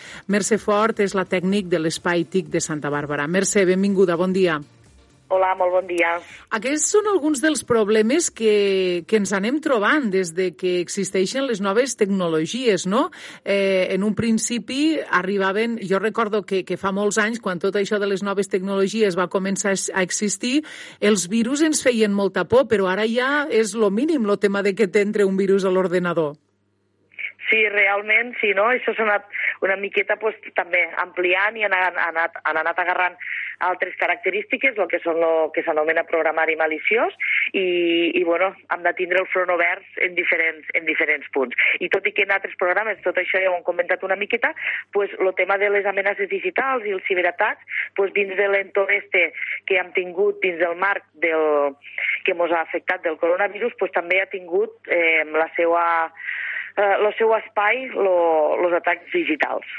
O sigui, eh, podríem dir que durant el temps de coronavirus, que a més a més les noves tecnologies les hem utilitzat per a tot, és quan més problemes també han hagut o més ciberatacs s'han constatat? Mm, pues totalment. De fet, els ciberatacs s'han detectat de que han augmentat mm, fins al 150-200% en alguns casos i a, més a més ha sigut molt, molt curiós no? perquè són coses que s'han anat estudiant i segons s'ha anat movent la pandèmia al, per tot el món, pues, els ciberatacs també han anat movent-se i han anat seguint no, la pandèmia. És a dir, els països més afectats en cada moment pues, és en els ciberatacs han estat més concentrats també, aprofitant pues, els moments de debilitat de tot el sistema en general i aprofitant sobretot també la temor de la ciutadania, de la gent i la temor social que, que hi ha hagut. Per tant, ha sigut també una dada molt controlada i una dada que també ha donat pues, després visualment aquests resultats, no? que ha seguit la, la, el curs del, del coronavirus del Covid en aquest cas. Uh -huh. I, de fet, el nostre país ha estat dins dels sis països més atacats de, de tot el món. I encara és, eh? vull dir, no s'ha acabat encara la cosa. Per tant, hem d'estar molt, molt alerta. Molt bé. Després parlarem una miqueta de, de quina manera ens afecta i quines són les recomanacions que, que ens pots donar envers això. Però hi ha una cosa tan senzilla com el tema de les notícies malicioses, notícies notícies falses, fake news, no? que és una de les qüestions que també hem vist molt i ens ha costat de detectar-ho. És, és difícil també de detectar en determinats moments. Inclús eh, veig que a programes de televisió o de ràdio hi ha gent que, que fa espais dedicats a desmentir algunes d'aquestes notícies i de, i de recordar que són fake news. Sí, totalment. Eh, fet d'estar de, sofrint el que, lo que s'ha passat no? ha sigut una situació extrema. La gent el que ha fet és que els sistemes han baixat la guàrdia i, mm, en aquest cas, els ciberdelinqüents el que han aprofitat és el camuflatge, ha sigut el camuflatge perfecte, perquè la, les notícies estaven centrades en un tema molt, molt important, molt seguit i molt potenciat per tots els mitjans i per tot el món, i llavors ha sigut per aquí per han aprofitat aquesta debilitat i han, els atacs pues, han sigut, s'han multiplicat moltíssim. De fet, uns dels sistemes més atacats han sigut els sistemes sanitaris, els sistemes dels hospitals, els sistemes informàtics dels hospitals, sobretot en, en, la, en els dies de, de col·lapse, urgències i col·lapses del sistema, pues, ja estan registrats els atacs més forts als sistemes informàtics dels hospitals, que de fet a nivell mundial s'ha creat inclús una associació per a combatre estos, estos ciberatacs i lluitar contra, contra ells, perquè clar, estem parlant de que principalment el que se vulnera, el que queda vulnerable són les dades de la gent. Llavors, pues, eh, s'està treballant moltíssim, moltíssim, s'ha intensificat moltíssim el treball en la seguretat també a les xarxes, perquè també és això, que hem incrementat moltíssim la nostra connectivitat. Constantment estem connectats i hem augmentat moltíssim l'ús de les noves tecnologies, perquè hi ha hagut més temps per a disposar-ne, una perquè també ha sigut la manera d'estar molt comunicats, d'estar molt informats, i l'altra també pues, això, no? que ha sigut un dels canals, una via de comunicació entre els nostres coneguts i familiars més utilitzat. Llavors, pues, bueno, tot tot això ha donat un, un, un clima perfecte per a, per a, bueno, per a que els ciberatacs eh, hagin augmentat moltíssim i hagin pues, fet molt, molt de mal. Uh -huh. Com es poden detectar eh, els fraus que, que podem tindre mitjançant les noves tecnologies? Clar, que suposo que haurem de diferenciar, no? perquè hi ha fraus telefònics, hi ha atacs per correu electrònic, però nosaltres com ho podem detectar, que, que estem sent atacats?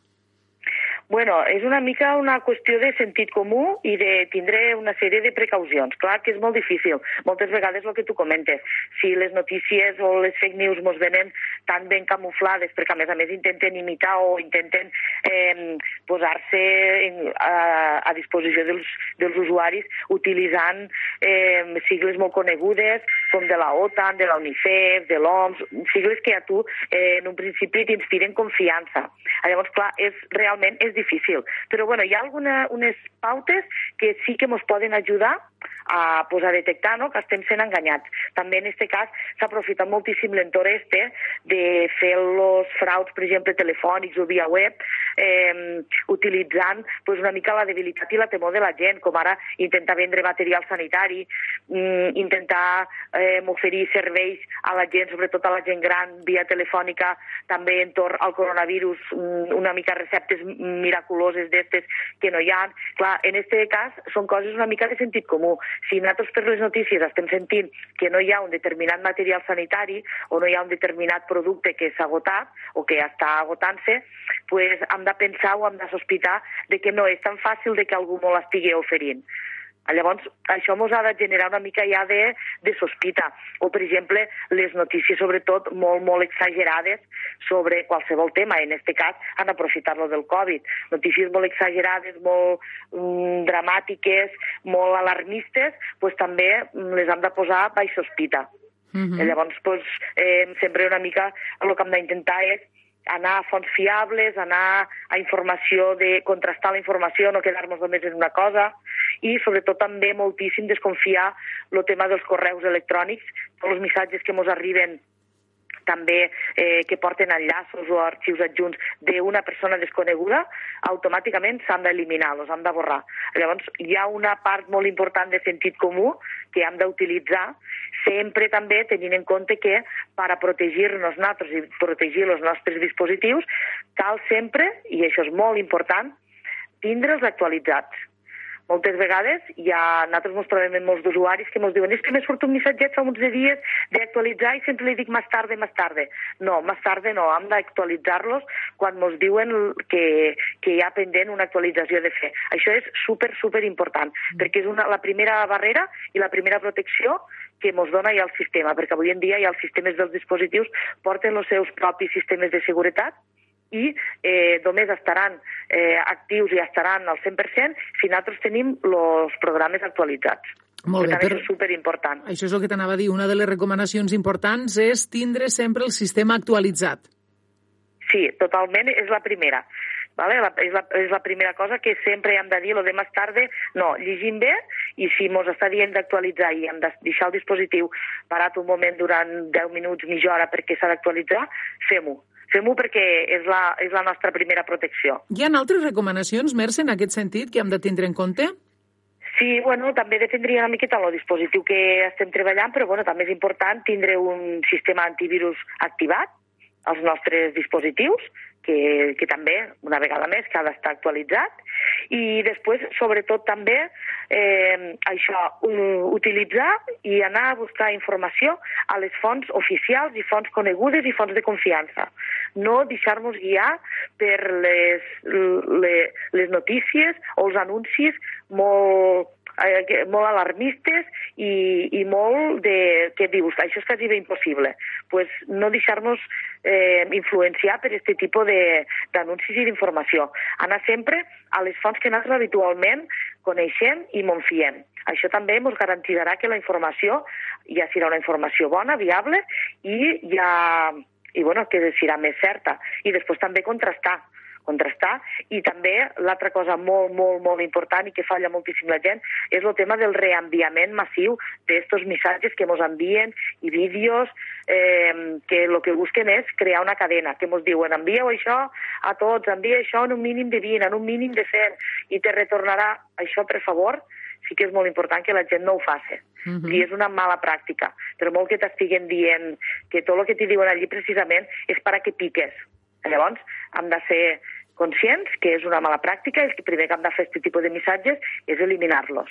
De fet, és vale? curiós... Perquè no porten enlloc. Sí, és curiós el que tu comentes perquè també hem vist nosaltres i, i aquí en aquest espai hem, ho hem comentat a l'espai de notícies recordant que hi ha hagut organismes oficials o inclús ajuntaments que s'han vist implicats amb estafes i que s'han utilitzat les noves tecnologies per a, sí. per a portar-les a terme. Per lo tant, eh, de vegades si passa en organismes que tenen un control encara molt més important que el que nosaltres puguem tindre eh, a casa nostra que no ens pot passar a nosaltres, no en aquest sentit, però totes aquestes precaucions que recomanes pues, sempre eh, són importants tindre-les en compte.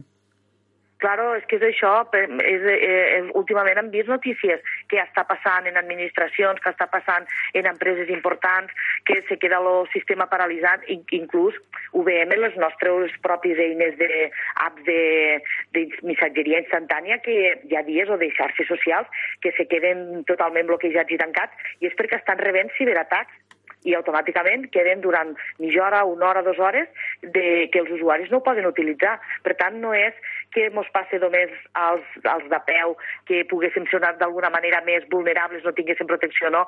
És que està sent un ciberatac general a nivell mundial i a totes les, les administracions, empreses i, i tot. Per tant, hem de ser conscients de que ens pot passar i hi ha, una, hi ha el sentit comú este nostre que ens pot eh, pues, salvaguardar d'algun disgust catre. Uh -huh. Perquè al cap i a la fi el que busquen és això, no? Sobretot utilitzar els nostres dispositius per a poder fer sobretot són estafes i sobretot, doncs, bueno, al cap i a la fi hi ha una finalitat econòmica i, i ens utilitzen a, a nosaltres com a pont o inclús nosaltres podem ser els directament afectats perquè el que volen també és aconseguir les dades de la gent i les dades bancàries pues, per això, no? per acabar tenint un benefici ells econòmic d'alguna manera. Per tant, doncs per intentar no ser víctimes, hi ha algunes cosetes que sí que podem fer, que estan al nostre abast, que són cost zero i que hem de ser conscients de que, de que, bueno, de que encara està molt, molt, molt eh, actiu el tema dels ciberatacs i que ens estan donant, ens estan arribant per tots els costats. Sí que les empreses grans i els programes que ja utilitzem estan posant tots els seus sistemes d'alerta i de protecció de cara a natros, però hi ha un punt que som natros els que, los que tenim la, la, bueno, a la nostra mà, a la nostra abast, de protegir-nos. Molt bé. Doncs bé, Mercè, de moment avui ho deixem aquí. Com sempre, gràcies per tot el que ens has explicat, que sempre és poca tota aquesta informació que tinguem, perquè avui en dia eh, també tenim molts, eh, molts de problemes en aquest sentit, molts atacs i moltes amenaces digitals. Gràcies, com sempre, per fer aquest espai TIC. Gràcies a vosaltres. Bon dia.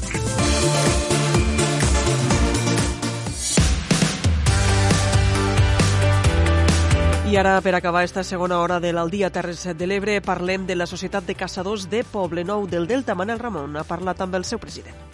Avui ens acompanya via telefònica el president eh, de la Societat de Caçadors del Poble Nou del Delta, Josep Sancho. Amb ell parlarem de tota aquesta problemàtica i les accions eh, dels caçadors al nostre territori, especialment al Delta de l'Ebre. Josep, què tal? Bon dia, benvingut. Bon dia, Manel, molt bé.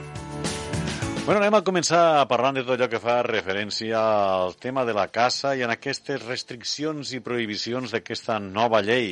Eh, com ho valoreu? Què en penseu? Es consulta prou als caçadors? Es té en compte tot el que fa referència al reequilibri que hi ha al nostre territori entre la fauna i, i els humans? Eh, com ho valoreu? Mm, a veure, títol personal, eh, crec que no, que les coses no es consensuen. No... Nosaltres no estem a cap taula, generalment quan se'ns crida no se'n té en compte el nostre punt de vista. S'ha de veure que la caça és una activitat ancestral, la qual nosaltres hem anat fent eh, diàriament, una per alimentació i ara pues, una mica per regulació de medi. I l'administració, malauradament, pues, moltes vegades no ens té en compte, ve imposades moltes coses de, des de Barcelona, eh, de manera urbanita, i no entenen la problemàtica dels territoris urbans, ai, mm, rústics. Rústics. Agrícoles. Per tant, eh, estem parlant, com sempre, de que des de les lleis se fan des d'un despatx sense xafar el territori al qual van dirigides les lleis i escoltant solament a un sector, no? Sí, bàsicament és que no, se'n, no se'ns té en compte. Vull dir, nosaltres aquí fem una reivindicació, les quals allí les analitzen i prenen les decisions quan la majoria de vegades no són les més acertades. Uh -huh. eh, perquè quina és la funció que té la caça al Delta de l'Ebre? Com l'explicaria eh, Josep Sancho? Partirien que és una cosa cultural, nosaltres des de ben petits ho hem viscut així, i després, pues, bueno, és, un, és una activitat la qual eh, estem dins del medi els 365 dies de l'any, saps que la morfologia del delta és molt, molt canviant, implica, pues, bueno, degut a la mà de l'home, i bueno, pues, nosaltres fem la conservació de, de medis, eh, regulem les, les espècies i pues, bueno, pues, estem eh, dia a dia pues, convivint amb els animals. És important això que acabes de dir perquè eh, hi ha molta gent clar, que això de la caça pues, no ho veu un esport, no ho veu una, un, bueno, una manera de, de passar-se-ho bé massa adient, però sí serveix, com dius tu molt bé, per regular, per regular la presència de la fauna a un lloc eh, humanitzat com és el Delta de l'Ebre. Com ho podeu explicar això perquè els oients ho coneguen bé, ho sàpiguen bé? Pues bueno, aquí, pues nosaltres aquí, sobretot el que són les espècies aquàtiques, hi ha sobre 90.000 hectàrees d'arròs, les quals pues, ara estem en època de sembra, i aquests animals pues, ben bé han de, han de menjar. Sí que és veritat que el seu hàbitat està molt degradat i ells han d'acudir als arrosses a menjar, i llavors, si no hi ha una actuació ara no de caça, sinó per espantar, eh, pues els agricultors se molt afectats per aquestes espècies, que generalment són gregàries i el que intentem és que eh, no s'ajuntiguen i facin el menys dany possible als agricultors. Totes aquestes activitats les porteu a cap als caçadors eh, de manera regulada, com dius tu molt bé, encara que la regulació està feta d'aquella manera, i d'acord amb el parc natural i els mateixos pagesos? Quina és la relació que teniu amb parc natural i pagesos? Eh, tinc una relació directa, sobretot en el pagès. Eh, pensa que el 90% dels caçadors són agricultors, i qui no és agricultor pues, és el vist, el familiar, i el dia a dia, el dia de cafè, doncs ens anem parlant i mirem doncs, bueno, com està sobretot el medi i com van evolucionant les espècies doncs, dins del nostre territori i quins són els danys que ens estan fent i els que no ens estan fent. Uh -huh. I en el parc natural? En el parc natural també. Doncs, bueno, hi ha una relació directa. Eh, col·laborem en la gestió, sobretot de l'encanyissada i de la tancada, nivells d'aigües i la col·locació de rampes a, als canals de rec circulants. Aquesta és una notícia que m'agradaria que m'ampliessis. La col·locació de rampes per a que surtin els, eh, les cries dels ànecs, que si no acaben sent eh, doncs, el primer plat, el segon i el postre de la majoria d'aus eh, com els gavians, no? Sí, és que, claro, ha canviat tot molt els hàbitats, doncs aquestes espècies eh, s'han dedicat a la depredació dels aneguets. Quan abans doncs, mm, el 90% doncs, millor de la, de la seva dieta eren peixos, Ara, doncs, degut a la degradació, doncs, que no hi ha el peix que hi ha, i les llacunes estan com estan en un estat deplorable, doncs aquests animals s'han de centrar en menjar doncs, patet. Com ho fan? Doncs quan el patet baixa a veure l'aigua fresca de la regadora, allà es troba encaixat i no pot sortir. I el depredador doncs, té més opcions per poder agarrar, li és molt més fàcil. Nosaltres, les societats de caçadors, el que fem és col·locar rampes perquè aquest aneguet pugui pujar i posar-se amagat a la brossa. Uh -huh. I per tant, eh, salvar així la vida del patet, tot i que després possiblement caurà a mans d'un caçador, no? Bueno, això sí o no. Nosaltres eh, presentem unes estadístiques tots els anys, fem uns contejos i mirem de que la població d'ànecs no baixa. Uh -huh. I sobretot col·laborem molt en l'hàbitat possiblement un 70% de l'hàbitat del delta no estiria per aquests animals si no fora pels caçadors. Clar, perquè vosaltres, com dius molt bé, en, en reguleu. Des del punt de vista del caçador, hi ha una excessiu presència d'aus a un delta humanitzat com és el delta de l'Ebre? No és l'accessibilitat, sinó eh, com està repartida. Com està repartida. Eh, llavors és que és molt complex, el delta és molt complex, eh, depenent també molt de les migracions del nord d'Europa, i llavors, quan arriba el setembre, doncs, és quan es valora quina és l'estat real del delta. Uh -huh. Últimament deixa molt que desitjar. Eh, I això de qui és responsabilitat des del teu punt de vista? jo crec que és de l'administració. Nosaltres som els administrats. Uh -huh l'administració que tingui competències en aquest aspecte i en invertir més el Delta de l'Ebre, suposo, en millorar totes les infraestructures i, i la biodiversitat que, que hi ha. Et refereixes a això? Òbvia, òbviament, sí. Escolta'm, eh, quines són aquelles... Perquè hi ha moltes espècies que, evidentment, estan protegides i no podeu caçar. Eh? Estem parlant dels flamencs, per exemple. Eh, quines són aquelles espècies no protegides i que creu que afecten de manera més clara a la producció de l'arròs al delta de l'Ebre? Avui en dia parlaríem no protegida lo, lo coiberi i l'àdena, que és pràcticament l'únic, perquè si parlem de la polla d'aigua i la fotja estan regulades i la fotja sent cinegètica a nivell estatal, eh, a nivell de parc natural de, de, de l'Ebre està regulat pel, pel propi parc. I la polla d'aigua ja no és cinegètica, la cacem per danys. Uh -huh. la, la, la, la caceu per danys? Per danys. Uh -huh. Per tant, hi ha una època molt determinada, no? Sí, ens donen les autoritzacions que van des de mitjan setembre fins a l'últim diumenge de novembre. Vale, Molt perquè, regulada en quantitats i horaris. uh -huh. perquè estem parlant de que l'au conegut com Morito està protegida. Sí, sí, està protegit, totalment protegit. Està protegida al igual que el eh, flamenc eh, i altres aus que viuen al delta sí. de l'Ebre. Sí. Eh, hi ha molta afició a a la caça aquí al delta? Sí, nosaltres ja ho hem viscut sempre, a pesar de que les noves generacions pues, no tenen eh, cuquet este que han tingut nosaltres. Jo tinc 48 anys i des de ben petit pues, he tingut este cuquet i nit sense poder dormir. I les noves generacions ho van seguint d'una altra manera i, bueno, pues, a millor això anirà derivant a una professionalització de la caça. Professionalització i baixada de llicències. Van baixar les llicències de caça al territori? Aquí es van mantenint, però arreu de Catalunya i el que és l'Estat, sí, hi ha una davallada. Uh -huh. És una activitat pues, que costa entendre-la i és el que és. Una pregunta que segurament es fan els oients. Amb les peces eh, que caseu, principalment eh, ànecs, no? que és el que més es caça al delta de l'Ebre, tot i que també es poden caçar aquestes polles eudelles per activitat de danys i la regulació de la fotja, què se'n fan les peces que són caçades? Generalment són per autoconsum. Vull dir, aquí nosaltres pensar que el primer dia cacera de la polla d'aigua aquí al Poble Nou és una festa major, eh, fem quatre batudes regulades per la societat, les quals en elles incloem un dinar social, i pues, bueno, ja veus la il·lusió la gent quan acabem el dia al matí de casa, pues, bueno, quan s'endur la seva part i, i la il·lusió de compartir-ho amb els seus familiars fent una rostida o un arròs. Uh -huh. eh, ha afectat d'alguna manera la pandèmia, el coronavirus, aquest confinament, a tot el que fa referència a la casa? En un principi, no. Nosaltres hem agarrat la temporada de veda, no hem pogut actuar. Les societats igualment han sortit al camp a fer les nostres tasques de revisió de nivells i millora d'hàbitats, i no, ho veurem al mes de setembre, octubre. Parlava l'altre dia el director del Parc Natural en una entrevista que li fèiem de que, clar, la pandèmia i la poca presència d'humans al delta ha fet que fins i tot baixin altres animals que no solen estar pel delta, com són els porcs senglars o les raboses. N'has vist? En podeu caçar? A veure, els porcs senglars l'han vist al Poble Nou, en total han vist dos grups, un de 4 i un de 3. Eh, no els podem caçar, no, és, no el tenim dins el pla tècnic de caça.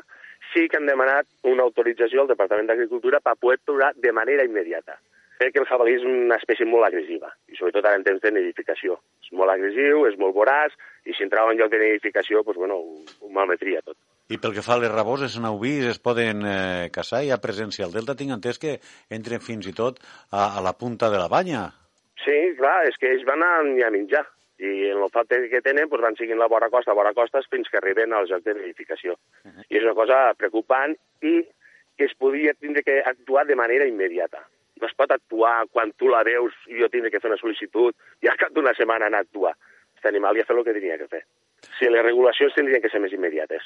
Si tindrien que ser preventives. Regulacions preventives eh, més que, diguem-hi, restrictives. Eh? Restrictives, sí. Mm -hmm. No sé si vols afegir alguna cosa en aquest temps que hem estat parlant i coneixent millor quina és l'activitat que es fa al Delta, quins són els eh, problemes que viu el Delta en respecte a la caça. Alguna cosa que afegir, Josep?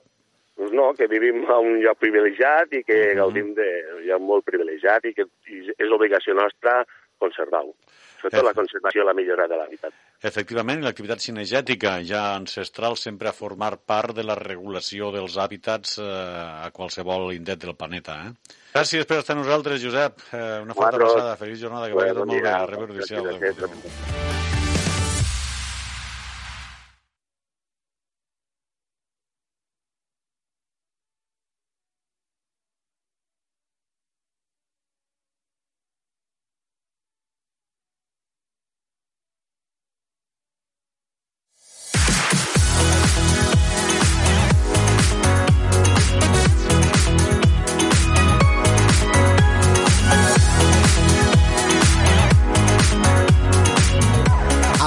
dia Terres de l'Ebre, amb Leonor Bertomeu. Hola, molt bona tarda, benvinguts, ben trobats a la tercera hora de l'Aldia Terres de l'Ebre. Els acompanyarem com cada dia fins al punt de les 4 de la tarda amb la tertúlia que avui dedicarem a temes d'actualitat. Ens poden seguir en directe, en directe, com sempre, a través de les nostres ràdios municipals de capçalera, la Cala Ràdio, la Plana Ràdio, Ràdio Delta, Ràdio Joventut, Amposta Ràdio i Ràdio Tortosa. Són les 3 de la tarda, gairebé 5 minuts, temps per a la tertúlia a l'Aldia Terres de l'Ebre.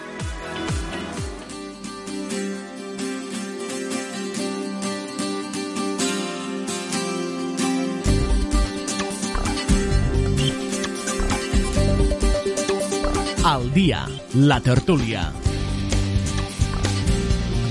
Obrim temps de tertúlia saludat els, saludant els nostres eh, convidats i convidades d'avui. Tenim per una banda via telemàtica a Alicia Gamundi. Ella és mestra i membre de l'executiva d'ADD, de l'Associació de Dones Empresàries, Directives i Emprenedores de les Terres de l'Ebre.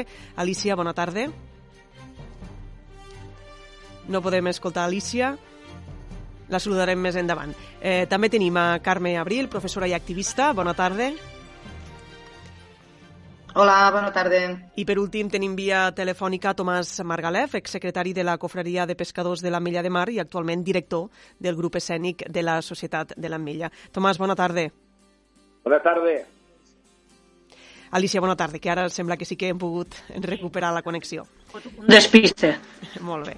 Eh, si us sembla, plantegem ja els temes de debat eh, d'avui. La premsa, tota, tothom coincideix avui en destacar el fet que Catalunya es, es troba ja tota en fase 3. Esta matinada han passat Barcelona i Lleida i com els esdeveniments van tan ràpid, ara escoltàvem a les 3 de la tarda que el president de la Generalitat, eh, Quim Torra, doncs ja ha signat el decret pel qual esta mateixa nit s'acaba la fase 3 i Catalunya entra ja a la nova normalitat. Eh, no sé com valoreu tot plegat, com s'està fent esta fase de desescalada, el fet que Catalunya pugui recuperar ja les competències eh, per a gestionar tot el, tota la pandèmia i tota la desescalada a partir d'ara, la nova normalitat. Com, com veieu la situació? Qui vol començar? Alicia. Eh, bé, jo, jo mm, més que res, lo de les fases ha sigut una mica liat per a la gent de base, per als que estem al carrer, Eh? De, de vegades preguntaves a la frase 2 què pot ser? I mira que, que se n'ha fet pedagogia i se n'ha fet publicitat i tot, però tot i això, potser de vegades l'excés de publicitat ens, ens, ens baralla més el cap que no pas ens aclara les coses. Jo, eh, en la desescalada, mmm, penso que aquí molt a dir hi té les persones. Les persones hem de ser responsables. I a mi em dóna la sensació de que de vegades me dóna la sensació com si penséssim que això no va en natros, que això passa, però no a natros. I us diré, en tot lo desconfinament, què he vist. He vist que primer s'ha anat en molta prudència, s'ha anat molt bé, el que he vist jo, eh, personalment, però que ara és, és un desmadre bé. Jo, jo este cap de setmana he anat per la costa i m'he posat les mans al cap. M'he posat les mans al cap perquè ni es guarden les distàncies, ni es posen mascaretes, ni res. Escolteu, això no és un problema de l'administració, no és un problema. Això és un problema nostre, individual, de cadascú, de cadascuna de les persones. No podem estar dies i dies i dies i dies, com sempre dic, castigant, castigant, castigant. Llevemos la cultura del càstig ja d'una punyetera vegada, però llevem-la perquè nosaltres tenim una responsabilitat de fer-ho i a poquet que, que la persona pugui contribuir en el sentit de fer les coses com s'han de fer, guardar les distàncies, posar-se les mascaretes, sí que van natros. Jo, per desgràcia, he tingut dos amigues que se me n'han anat i amb molta pena ho dic. Eh? I, I només pensant en aquestes persones, tota la, la gent gran, evidentment, però les meves dues amigues eren jovens, eh, jo només pensant en aquestes coses eh, apel·lo a que la gent féssim un, un, un desconfinament, féssim una desescalada mm, en molta responsabilitat. Hem de ser persones lliures però responsables. Carme?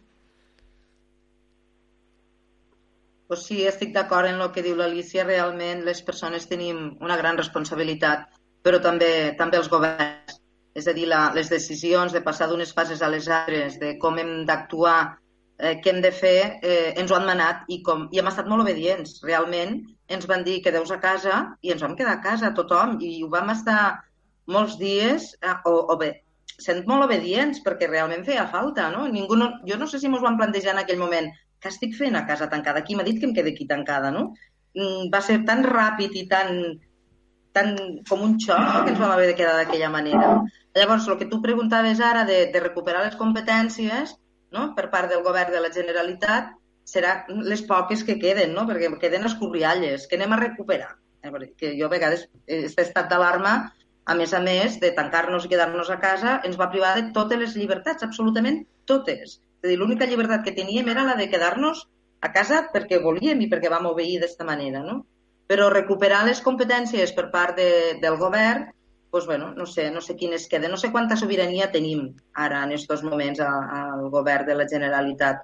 En realitat molt poquetes, molt poquetes, i el que jo veig és que en la recuperació d'aquestes competències, que, que en definitiva haurien de ser sobiranies, no? sobirania és habitatge, sobirania és sanitat, sobirania és educació, eh, sobirania és una renda bàsica per a totes aquelles persones que no tenen ingressos, eh, sobirania és poder deixar de pagar un lloguer perquè en aquests moments no tens ingressos o poder deixar de pagar una, una hipoteca perquè t'has quedat sense ingressos. És tot tan bèstia, és tot tan gros que jo no sé quines seran les competències que este govern uh, podrà, podrà disposar.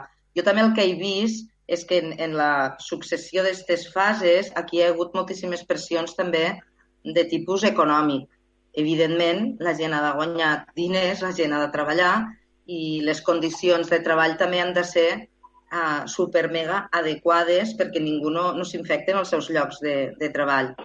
Això, per exemple, ho hem viscut en educació, ara quan hem obert els centres educatius, també, mm, sense alumnes. És a dir, ha sigut una obertura una mica, eh, crec que a base de la pressió de, de les escoles concertades, sobretot, i que en realitat hem acabat el curs també telemàticament, encara l'estem acabant telemàticament. Però sobre lo que la pregunta inicial, no, lo de recuperar les competències, jo poso en qüestió tot això, no? que quines competències té el govern de la Generalitat? Doncs molt poquetes. Tomàs? Tomàs? Hola. Sí, Tomàs, digues. Hola. Bueno, jo voldria en principi expressar de que, claro, jo considero que el tema és molt per a parlar per persones que tinguen la formació sanitària adequada, nosaltres som... Eh, desconeixem una mica com està la realitat, desconeixem també si la realitat és la realitat o la que ens venen, però, en definitiva, com a ciutadà, no arribo a entendre, no puc arribar a entendre que Barcelona i Lleida hagin estat un dia en fase 3 i que ara ja estem tots curats. A veure, o la fase 3 havien d'entrar abans, o no pot ser que ara el desconfinament sigui total i que estiguessin 24 hores en aquesta fase 3. No entenc que la setmana passada se morís tothom i ara no, ja no es moria ningú, ja no s'infecta ningú, ja ho tenim tot controlat i tal. Com que no me'ls crec, doncs ho he de dir sincerament, no me'ls crec, i per lo tant, si les competències de la Generalitat han de ser per decretar l'abertura total de, de, del tema este, pues, crec que estan mal utilitzades. Per què? Pues perquè, en definitiva, el que tenim la impressió és de que la part econòmica preval sobre la realitat higiènico-sanitària.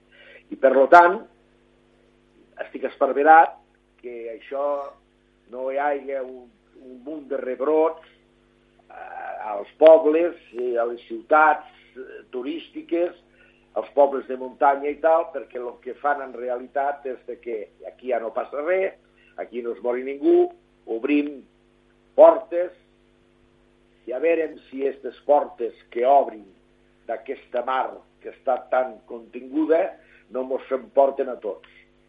Ho sento, però sóc molt pessimista amb aquestes idees. Sí, sí jo, jo volia dir una coseta. El, el, el fet que, que es, el fet de les fases, que li donem molta importància i la té, no, no, no dic que no en tingui. Però el passar a fase 3 no vol dir que no estigui el virus i que no mos ho poguéssim apegar i que tots poguéssim ja abraçar-nos i tot això.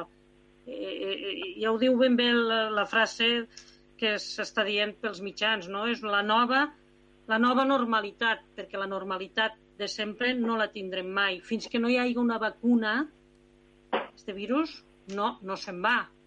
Conviurem en ell, però no, no, no viurem sense ell, per molt que passéssim a, a, a, a, a, a poder estar tots i totes juntes, no? Eh, i, I llavors sí que estic molt d'acord amb vosaltres en el que mana tota la part econòmica. La part econòmica mana moltíssim, mana moltíssim. I jo penso, vist des de fora, eh, que és molt difícil, molt difícil equilibrar aquesta part econòmica i aquesta part sanitària.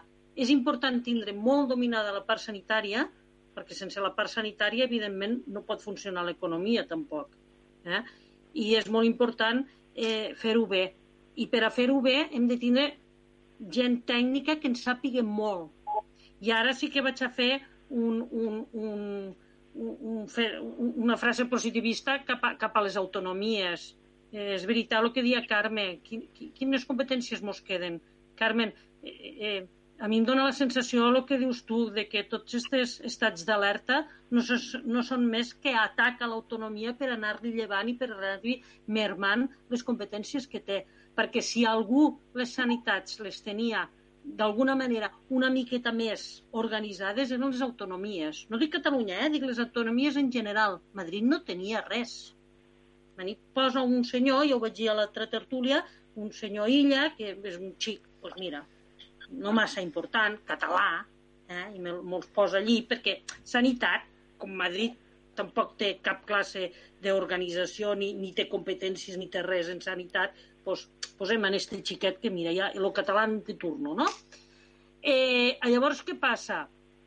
Que les autonomies estaven molt més organitzades. I ara sí que penso, jo sí que penso que se li ha fet un gran mal en les competències. I espero que es tornin totes i que es tornin totes de debò. Perquè a mi, jo en això estic en Carmen, me fa molta temor de que a base de tots aquests cops de destral mos vagin llevant coses. I sort que estem en un govern progressista, perquè si no rebem estar el govern progressista ja mos han llevat tot, que no ho sé. Jo volia, volia afegir en això que tu dies, Alicia, que també ara han patit i les retallades no eren de Madrid, sinó que també eren del govern català, les retallades del 2010, que han fet no, que patim en sanitat el que s'ha hagut de patir i s'ha hagut de córrer i la, la tensió que s'ha viscut a nivell sanitari. Eh, reivindicar des d'aquí eh, que la sanitat i tots els serveis públics, també l'educació i els serveis socials, són importantíssims i que, per tant, els diners han d'anar cap aquí. El que no podem fer és eh, permetre no, que, que, que, que ens quedem desemparats. El dret a la vida, a l'educació, no? a la sanitat i a l'educació i a la vida digna lo, la, tenim, la tenim tothom. I després una altra cosa també, no? Una cosa que ha dit el company, que no sé com se diu. Tomàs. Tomàs, Tomàs. molt bé.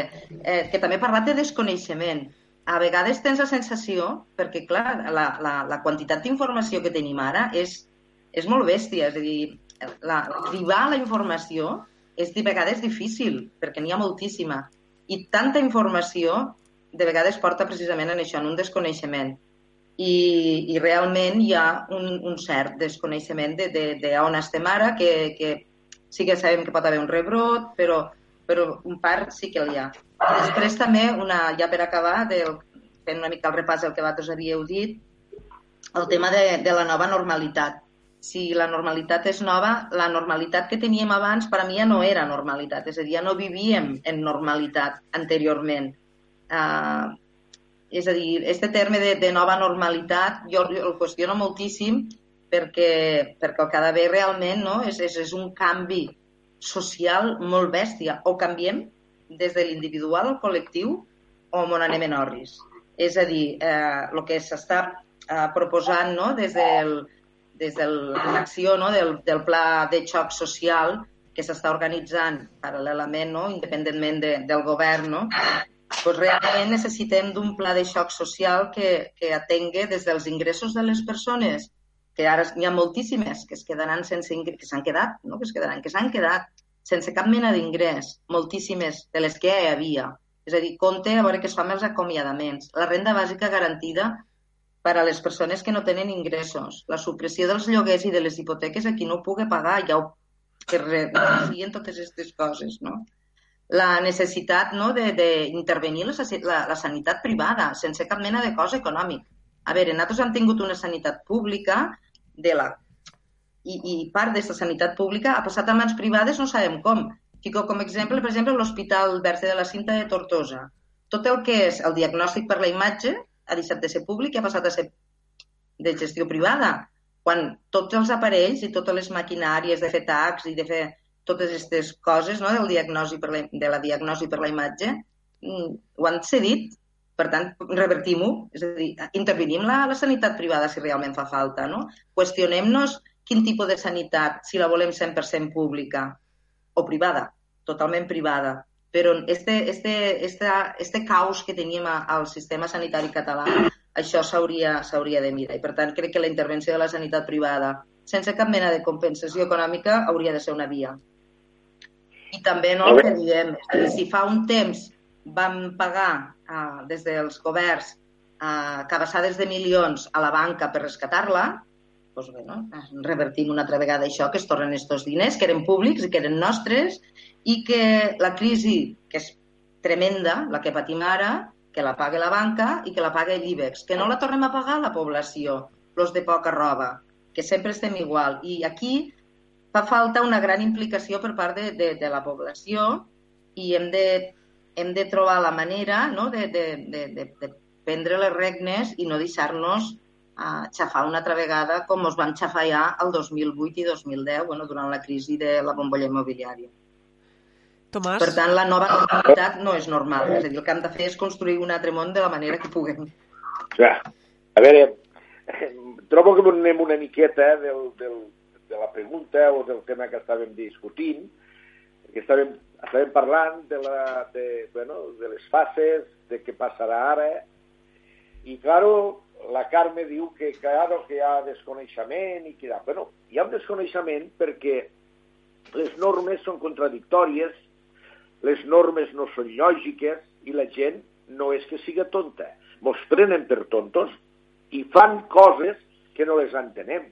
Ara, per exemple, a l'escola els xiquets han d'estar a una distància de no sé quants metres, els pupitres, i jugaran al, al, al, a, no sé com jugaran al pati, i totes aquestes coses perquè no sé què. Però resulta que podem obrir les discoteques sense ballar, això sí, resulta que obrirem les discoteques sense ballar i els bars sense beure, però resulta que tirem, allí podrem estar 20 i tampoc se poden fer reunions de comunitats de propietaris perquè hi, ha, hi hauria una multitud, que potser ens reuniríem 10 o 12 allí, però al bar podem estar 20. Totes aquestes contradiccions normatives fan de que jo, que sóc més aviat tontet, pues no les entenga. I hi ha gent, potser és molt més viva, pues tampoc les acaba d'entendre. I això és la qüestió que estem parlant jo no m'ho crec que fa una setmana Barcelona i Lleida no passessin a la fase 3 perquè tenien una sèrie de gent infectada i de repent passen a la fase 3 i de cop a la fase 4, 5 i 6 tot, tot alhora. Per tant, com que no m'ho crec, sóc absolutament escèptic i crec que això no s'ha agafat en cap normativa feta pels professionals de la sanitat. Això està fet tot per l'empresa econòmica de l'IBEX 35 i perquè pues, hem d'obrir hem d'obrir els, els bars, hem d'obrir els restaurants, hem d'obrir els hotels i hem i si ens infectem, pues direm que és culpa de la gent que ha respirat malament. I aquesta és la gran qüestió. La gent no fan el que han de fer perquè tenen les pressions econòmiques que han de fer. I aquí manda el dinero i res més. En tot cas, sí que Carmen ha, ho ha començat a plantejar, no? És a dir, un dels l'interès que tenia el govern català en recuperar les competències era per tal de poder regular esta nova etapa, no direm nova normalitat. Eh, com creieu que s'hauria de, de caminar en esta nova etapa? Carmen plantejava de fer canvis més, més radicals, no? Eh, quines coses creieu que no poden tornar a ser com abans? Jo, jo, Parla, Carmen. No, jo penso que, que, que aquí s'han nombrat tres coses, pilars fonamentals per a la vida. és la salut, l'educació i la justícia. El que passa és que de vegades hi ha coses políticament que mm, se veuen molt a llarg plaç i com sempre estem programant per a quatre anys i no per a tota la vida, o, o per almenys per a, no dic tota la vida, però per a molt llarg plaç, eh, no programem bé. Eh, llavors penso que sí que és importantíssim, importantíssim eh, fer un canvi radical, un canvi radical i abocar més diners, sobretot en salut, en educació, importantíssima. L'educació no la veiem avui, però és el pilar fonamental de la nostra societat del futur. És importantíssima.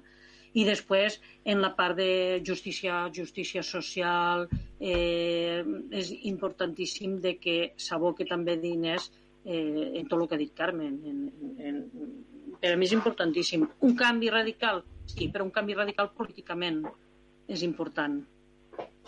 O sigui, jo crec que les prioritats han de canviar. Les prioritats han de canviar. I aquí és lo que l'única manera que podem fer una miqueta un món diguem com diu Federico Mayor Zaragoza, un món, o com va dir Van Power, un tro... deixar un món una miqueta millor de com l'hem trobat. Nosaltres venim, som una generació que venim d'una generació que ha treballat moltíssim, venim d'una generació que va patir moltíssim, que ha patit una postguerra, que ha patit gana, que ha tingut que pujar la faena i ha tingut que pujar moltíssim. I jo penso que tampoc hem sapigut moltes vegades, o potser sí, potser sí que ho hem sapigut fer, transmetre els valors eh, que aquesta generació ens va abocar i, i aquí sí que hem de fer, hem de fer perquè també la mateixa societat està molt abocada al consum i potser també ho hem de canviar, això. És educació. Jo, contestant a lo que tu dies, des del meu punt de vista, eh, del que jo penso, jo, és a dir, per a que hi hagi un canvi real i, i eficient i eficaç i que funcione, doncs hem de començar en la implicació de la població en la pròpia democràcia. És a dir, els valors democràtics els estem perdent. Anar a votar cada quatre anys avui en dia per a mi ja no és democràcia, perquè si després te'n vas a casa i ja m'ho faran, doncs no, no és això.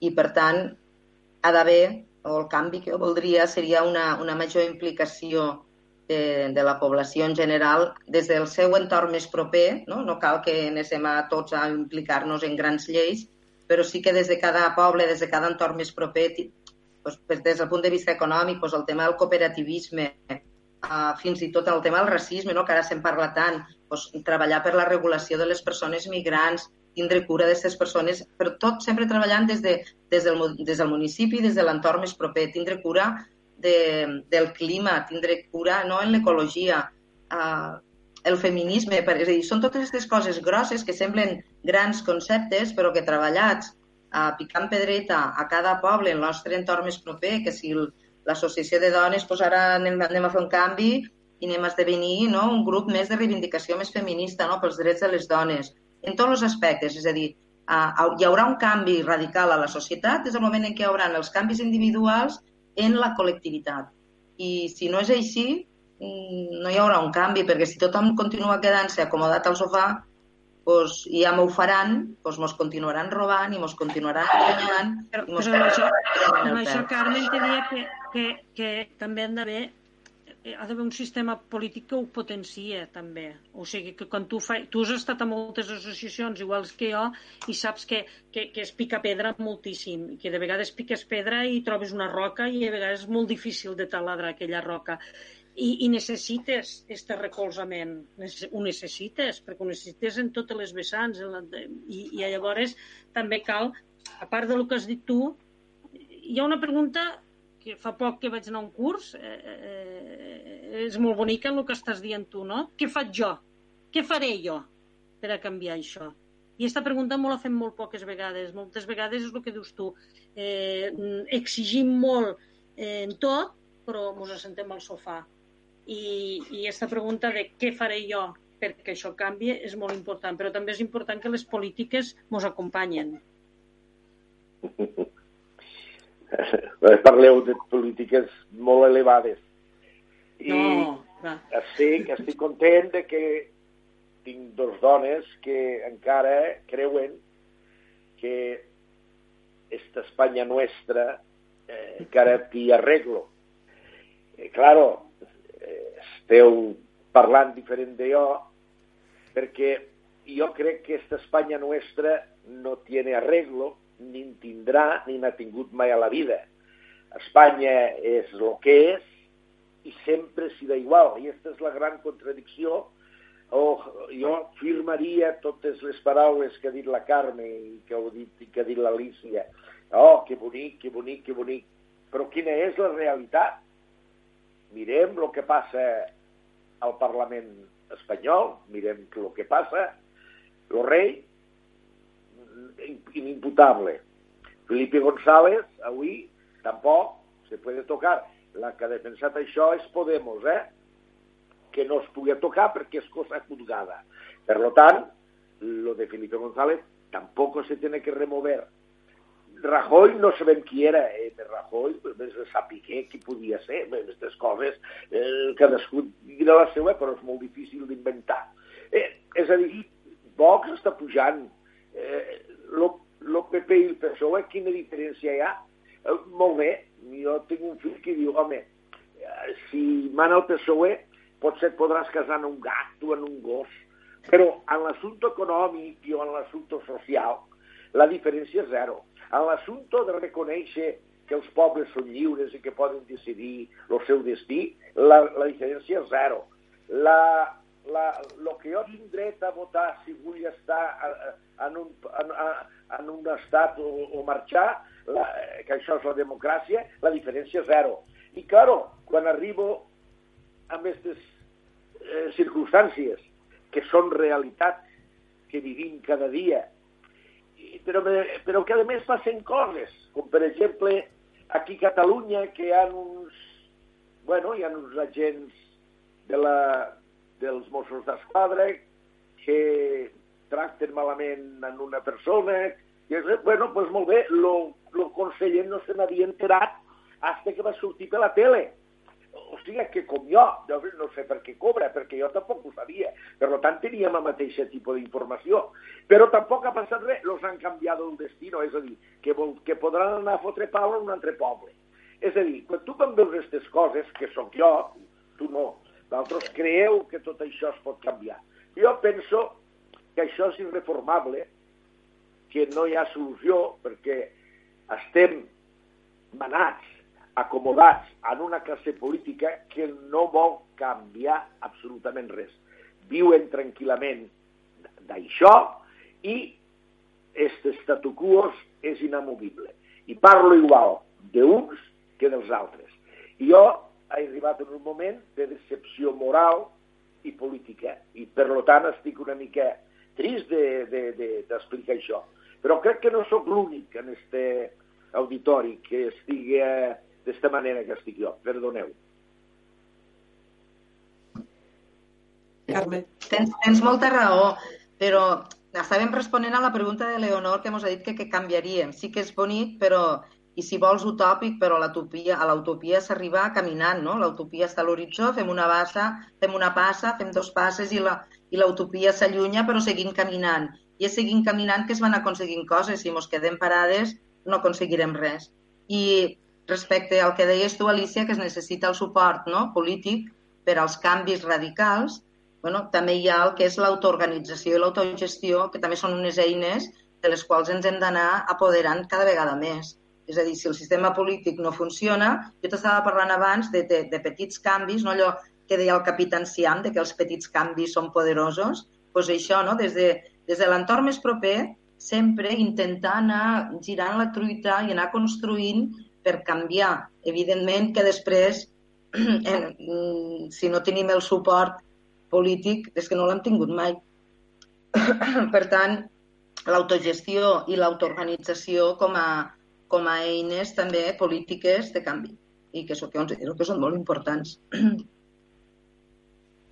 Alicia, sí, vols afegir sí. alguna cosa I més? I, i, no, jo, jo, Carmen, te'n donaràs compte que en el món educatiu també hi tenim molta, molta pedra a picar perquè quan tu motives, quan tu entusiasmes, quan tu creus en un projecte i, i, i en aquella classe el fas bullir, al final eh, la joventut te respon moltíssim i a més a més acaba creent-se-ho i a més a més al cap d'uns anys, jo, jo que sóc més vella, Carmen, que ja estic jubilada i tinc més anys, eh, quan te trobes aquells alumnes que vas tindre fa 30 anys o 25 anys i et diuen te'n recordes allò que dies a classe? Vos ho estic fent perquè és veritat, perquè no sé, dius, ostres, si fa 25-30 anys que ho vaig dir, però cal entusiasmar per fer aquests petits canvis que dius d'autoorganització de, de la gent és molt, és molt bonic l'ensenyament, de veritat, l'educació.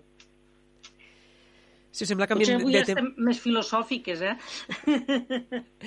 Si voleu, canviem de tema i parlem sobre el darrer atac a la llengua catalana amb esta sentència del Tribunal Suprem que ha anul·lat, ho vaig a dir-ho bé perquè és una mica complicada la sentència, eh, que confirma l'anul·lació dels articles del decret d'usos lingüístics de la Generalitat Valenciana que estipulaven l'ús de la llengua en les comunicacions administratives entre la Generalitat Valenciana i les altres comunitats autònomes. Vaja, en definitiva, i per resumir-ho, seria que la Generalitat Valenciana no pot utilitzar el català per a comunicar-se amb la Generalitat catalana i amb el govern de les Illes Balears. Ara, quan, quan Alicia parlava no, d'aquestes classes que feies fa 20 anys, jo recordo fa 20 anys que Carmen ens feia classe de català a l'Institut de Deltebre i ja en parlàvem molt eh, de, de la unitat de la llengua i de, i de l'atac a la llengua. Per tant, no sé, com veieu, este, este últim episodi? Jo com a filòloga, si em deixeu començar, o si vols parlar tu, Alicia. No, no, no. Un nou atac a la llengua dels tants que patim al llarg de, de la història. Jo no sé quina mena de ràbia o d'odi poden sentir quan la diversitat no, lingüística és, el, és un dels regals més grans que tenim a, a la humanitat. No? I en el cas del català, eh, o de la llengua catalana, doncs, bueno, igual que totes les altres llengües del món, doncs, tenim una diversitat dialectal que tots coneixeu, doncs, com la pot tindre el castellà, no? a Sud-amèrica o Amèrica Central o, o altres parts del món té variants dialectals dins del mateix no? el domini lingüístic de l'espanyol a, a la península ibèrica no és el mateix un que parla mm, de Cuenca a un que parla Almeria, no? Hi ha també diver, diversitat dialectal, totes les llengües tenen diversitat dialectal, l'anglès a Nova York i a Londres segurament que també tindrà, o el francès a diversos llocs, com totes les llengües. Però la diversitat dialectal de la llengua catalana no ha de servir de pretext per a qüestionar la unitat de la llengua. I el problema que tenim en la llengua catalana és que la tenim eh, fraccionada administrativament en tres estats. I dins d'aquests tres estats, en diverses comunitats. No? Tenim perdó, quatre. Tenim el català, Andorra, que és l'únic lloc on és la llengua oficial, a l'estat francès, a les comarques de la Catalunya Nord, on no és oficial, a Itàlia, a la ciutat de l'Alguer, l'illa de Sardenya, on tampoc no és oficial, i llavors el que és l'estat espanyol la tenim fragmentada en el Principat de Catalunya, la franja de Ponent a tot l'Aragó, el País Valencià, les Illes Balears i fins i tot aquells poblets del Carxe baix a, a Múrcia. No? Uh, tota aquesta fragmentació és administrativa, però no és una fragmentació lingüística. La llengua és, és una, una sola. I diguem-li com li diguem. Diem-li valencià, diem-li alguerès, diem-li fragatí, tortosí, mallorquí, diguem-li com vulguem, però tots els noms que li vulguem ficar eh, se refereixen a la mateixa llengua, a la llengua catalana. Per tant, des de sempre hi ha hagut no, un menysteniment absolut, sobretot pel rigor científic i acadèmic dels filòlegs pel que fa a la llengua catalana. El, pel que fa a la llengua catalana, este rigor científic, que està, a més a més, reconegut internacionalment, com un tribunal s'atreveix a qüestionar-lo. No? Com poden prohibir que una administració i una altra, i una altra, no? les tres que estàvem parlant ara, no, no es puguen comunicar en la llengua pròpia quan la pròpia Constitució espanyola reconeix les llengües oficials. És a dir, eh, diu, eh, no sé, no me recordo el número de l'article, però diu això, que els espanyols, tant si volem ser-ho com, com si no, els espanyols tenim l'obligació de conèixer l'espanyol i el dret d'usar-lo. El dret. Per tant, jo, si vull passar la meva vida parlant en suahili, doncs parlaré suahili i ja m'apanyaré, el meu problema. Jo tinc l'obligació d'entendre'ls, però de parlar-lo no. I això ho diu la mateixa Constitució espanyola. Per tant, és, és un, un atac que, que, que que no és el primer, que en tenim moltíssims a, a, a tots els nivells, des d'anar al bar i que encara sentir-te avui en dia l'hablament cristiano, com denúncies per part de la Guàrdia Civil en un aeroport perquè t'adreces amb ells en la teua llengua al teu propi territori, eh, com tantíssims i tantíssims atacs, com el mateix, amb la mateixa educació, no? tots a, mm, posem flors i violes a la immersió lingüística quan pràcticament eh, és existent, que la gent els xiquets, eh, hi ha un instituts on la major part de, de, de professorat parlen en castellà. I és així, ni immersió lingüística ni res, és mentida també. És a dir, hi ha hagut una, un afany no? de, de posar en valor la immersió lingüística quan vas a centres educatius de, de, de l'entorn de, de, de Tarragona mateix, ves a, a Camp Clau o a, o a Bonavista o, o, o a allò, a Sant Pere i Sant Pau, i allí tothom parla en castellà i no passa res. És així. Per tant, eh, estos intents de, de divisió i de, sub, i, de, i de sotmetre la llengua venen de molt antic i són molt pesats i molt constants, però bueno, en tossuderia i en, i en constància. No? Mira, ahir mateix a Twitter, des del Departament d'Educació del País Valencià, ja es van, van obrir un Twitter, no? El bon dia, va ser, jo vaig, vaig ficar també el meu bon dia perquè va ser un fil de Twitter emocionant, no? de veure la resposta de les administracions del País Valencià, de les Illes Balears i del Principat de Catalunya dient-se un bon dia a través de Twitter. I a part moltes altres uh, institucions de, dels països catalans. No? En definitiva, si el terme països catalans el tenim és perquè hi ha la llengua catalana, que és el que fa i cohesiona tots aquests territoris. Bé, jo després del que ha dit Carmen és que no sé si parlar. Carmen, ens has donat una gran lliçó, eh? Com no... Eh, jo, mireu, jo fa 40 anys eh, que he acabat magisteri, estava estudiant i tenia gent com Josep Lluís, Carot Rovira, Margarida Ditzeta, Badia i Margarit, i ells, en aquell moment, ja ens parlaven moltíssim de l'atac a la llengua i sobretot jo recordo que Carot era molt pessimista, molt, i deia ens, ens quedarem sense català, ens quedarem sense català, lluitem, lluitem, parleu-lo. Nosaltres que sortíem del, del batxillerat en castellà i, i del COU, que no havíem fet mai català. La primera vegada que jo vaig sentir parlar en català va ser a les 8 del matí a l'escola de magisteri que em parlaven de sinus, cosinus, x i h, i jo no sabia què era, i dia, aquesta gent en quin idioma parla? Jo no ho he sentit mai, això però ens van despertar. I això va ser molt bo, perquè ens van despertar realment en el català. I ja ens parlaven d'amenaça. I si llegim, verem les amenaces que hi han segles allà. Ha sigut sempre un atac constant. Però jo us vaig a dir, el més trist és que aquest atac constant ha anat increixent. I això és el més trist, que cada vegada ho és més l'atac. I aquí és el problema de que hem d'estar lluitant un per un, una per una, de, en el sentit de que, de que per aquí no hi podem passar, no hi podem passar, i l'única força la tenim nosaltres, l'única, diguem-hi, i deixeu-me dir arma, que és el nostre propi par la nostra pròpia parla, no oblidar-la, sempre eh, defensar-la i ensenyar-la, sobretot. Tomàs? claro, parlen molt bé, que bé parlen. Sí, sí. Pues bueno, l'estat espanyol, tot el que sigui en català se ho vol carregar. La llengua és una de les coses. Per què? Perquè l'estat espanyol no és un estat democràtic.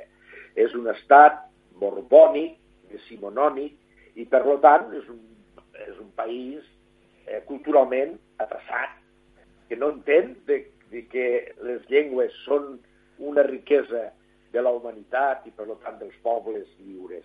No, això no ho entén. Per tant, això no és la primera ni serà l'última d'atac que fan sobre la llengua com un element més de eh, pues, liquidar-se tot el que seria Catalunya i, i el català. Però, nantros, que ara els nostres fills, o per almenys els meus, ja han estudiat en català. Jo no, jo vaig estudiar en castellano i tinc faltes d'ortografia quan escric en català, perquè no naix. Jo no em van ensenyar a escriure català.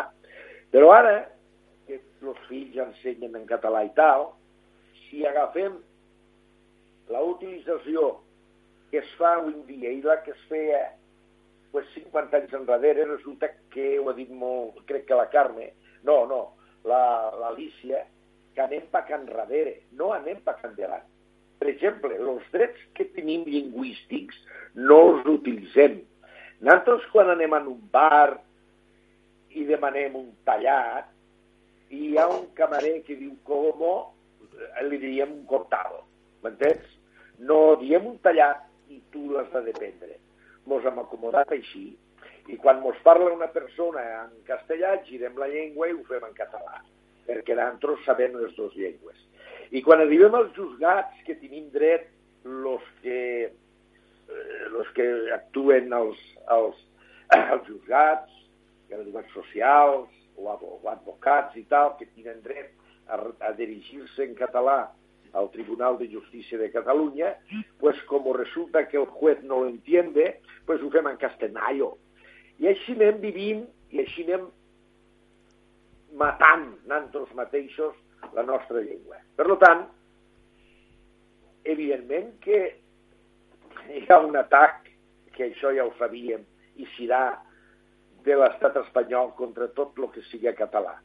Però jo voldria demanar a tothom, a cadascú de nosaltres, a totes les persones que tinguin aquesta sensibilitat, que parlin en català i puguin, i que utilitzen el català i puguin, i que no, no facin no, la ximpleria de quan vagin a un bar de Catalunya i demanen un cafenyet que acabat hagin de dir un cafè con leche. O sigui que, i quan vagin al juzgat, que parlin en català. I quan vagin a l'administració de justícia i a ser policia, que parlin en català perquè tenim el dret de parlar en català. I si usted no lo entiende, cámbieme de policia. I quan anem en un altre puesto, igual. I si fem això, potser farem alguna cosa.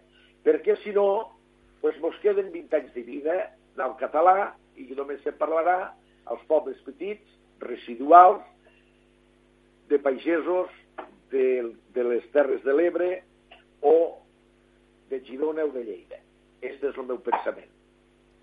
Sí, Tomàs, tens tota la raó en, amb, amb tot el que dius. Jo només te volia dir una cosa. El problema és quin és?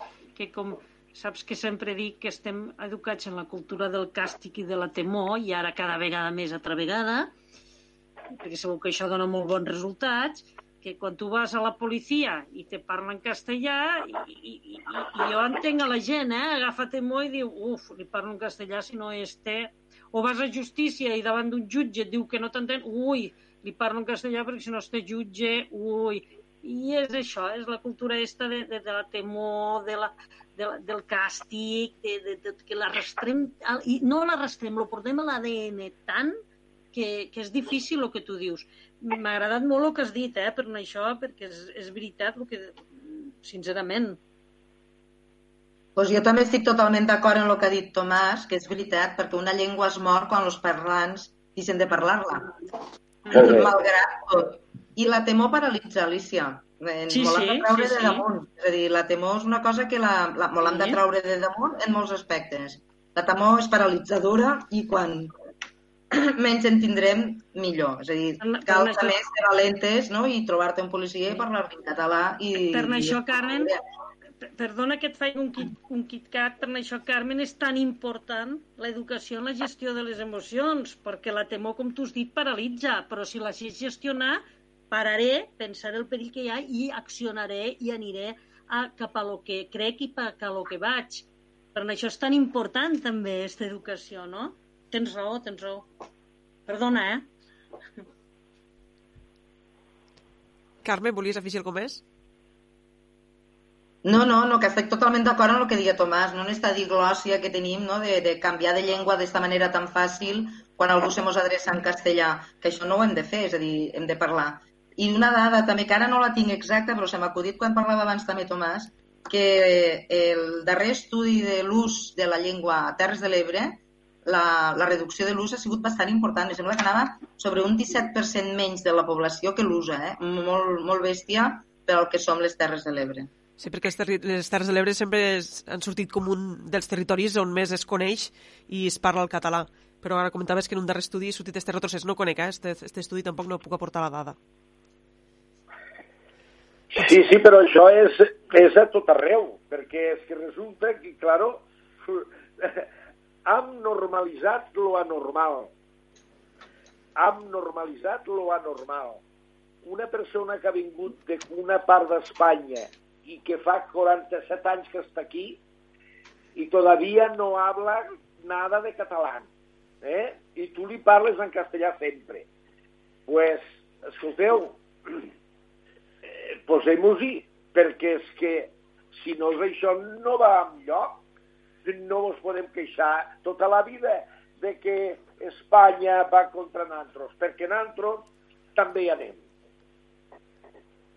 Jo també he de dir a favor que, que a l'escola, quan, quan tu observes, eh, per exemple, eh, hi ha, hi ha, hi ha gent, gent nascuda fora i que parlen en català perquè si no no s'entenen i això sí que és un, un element d'unió, això sí que és un element unificador i que per aquí també d'alguna manera eh, eh, la llengua se sosté, no? Perquè aquesta gent eh, tindran fills aquí i els podran parlar en català. Jo crec que l'escola, dins de tots els atacs que ha tingut, ha sigut un element molt co cohesionador. Sí, escolta'm, me, me... a veure, tinguet en compte que és, és un assumpte tan terrible que al Parlament de Catalunya els partits polítics n'hi han que es dirigeixen en castellà perquè diuen que el castellano està en peligro, pues home, pues potser que canvi el reglament o que facin alguna cosa que puguin fer, perquè és que si no això resulta que, que pareix que nosaltres mateixos donem peu a que hi hagi aquesta barbaritat lingüística en les nostres vides. A veure, és, és una cosa claríssima. Sí, sí, tens raó, tens raó. Jo afegiria una cosa en això del Parlament, Tomàs, que tens tota la raó sí. també. El nivell, perquè cada vegada... Jo recordo quan, quan mira, tenia gent com Leonor a classe, que de vegades ficàvem eh, algun discurs del Parlament, me'n recordo d'algun discurs d'algun president del Parlament, en un registre culte, en un registre que era un reflex de, de perfecció de cara a la població. Ara sentim barbaritats d'un registre que ni al bar. I és això el que també afegiria el que tu estaves dient, no només de parlar en català, sinó també que tinguen en compte que són un reflex que, que arriba a tota la població i que fan vergonya de sentir-lo. Però jo, jo crec, si em permeteu, que en això de la llengua sí que podríem fer més del que fem, perquè, a veure, hi ha altres coses que, que mira, però sobretot en la llengua, tindre la consciència que a vegades eh, parles amb un amic i que sigui, fas, resulta perquè li has parlat en castellà amb este. Pues si resulta que fa tants... Ah, sí, mira, no m'he dat compte. És a dir, no donen importància i som naltros que mos trepitgem el català a vegades. M'entens? Jo, per exemple, hi han matrimonis que entre ells parlen en castellà i són catalans els dos. I quan fa un ratet que estàs amb ells, quan te'n dones compte ja tots parlen en castellà. Això suposo que no m'ha passat a mi sol, perquè seria una, una, una vella blanca, ha passat a tots, i m'ho donem compte de que, xe, a poc a poc vos anem passant al castellà, vos anem passant al castellà, i en comptes de, de que los, los, les tres parelles s'hagin emportat a la parella aquella al català, aquella parella del castellà s'han emportat a les tres parelles del, al, al castellà. Aquesta és, esta és la, la realitat. Mos queden només eh, res, 4 minuts de tertúlia, per tant crec que no val la pena posar cap altre tema damunt de la taula sobre este tema que, que estem parlant d'aquest últim atac a la llengua. En tot cas, sí que pot ser a diferència no, d'altres vegades, tant la Generalitat Valenciana com la catalana i la de les Illes Balears ja han deixat clar que continuaran eh, comunicant-se en català. No? Vull dir, trobat, sí que hem trobat un moment en què almenys les tres administracions estan d'acord en continuar utilitzant el català. No sempre ha sigut així. Carme. Sí, sí, mm, desobeir de vegades va bé. No? És allò que dius. mm, Per No crec- l'obediència no crec- que vagin no una miqueta. No crec que bé, gaire. Perdó? No crec que desobeeixen gaire. A l'ego sentirem a dir que les sentències se deben de complir. I, i ja veureu com això, ojalà vagi equivocat. Però, claro, allò que he dit abans, de que no tinc massa confiança en aquesta gent, eh, pues resulta que ojalà vagi equivocat i que continuïn enviant els escrits en la, en la, en la llengua catalana o valenciana o mallorquina entre aquestes tres eh, regions o comunitats o un país. Bé, la llengua és la mateixa, diguem-li com vulguem, no? per això es poden escriure perquè és la mateixa la llengua, diguem-li com li diguem. Eh, hi ha moltes institucions, a més a més, que estan a favor no? de la unitat de la llengua i que treballen pel, pel sosteniment de la llengua, com és la Plataforma per la Llengua, Òmnium Cultural, és a dir, hi ha, hi ha, ja hi ha qui també empenta i, i lluita per, per això. Per això mateix que tu deies, no, Tomàs, que, que nosaltres mateixos hem de fer, hem de fer l'esforç de, de no fer el canvi, de no ser diglòssics i de, i de mantindre la, la llengua en les situacions comunicatives normals, quotidianes i a tots els àmbits de, de la vida. Si Alicia vol afegir alguna cosa, tenim 30 segons. No, no, no. no. Simple...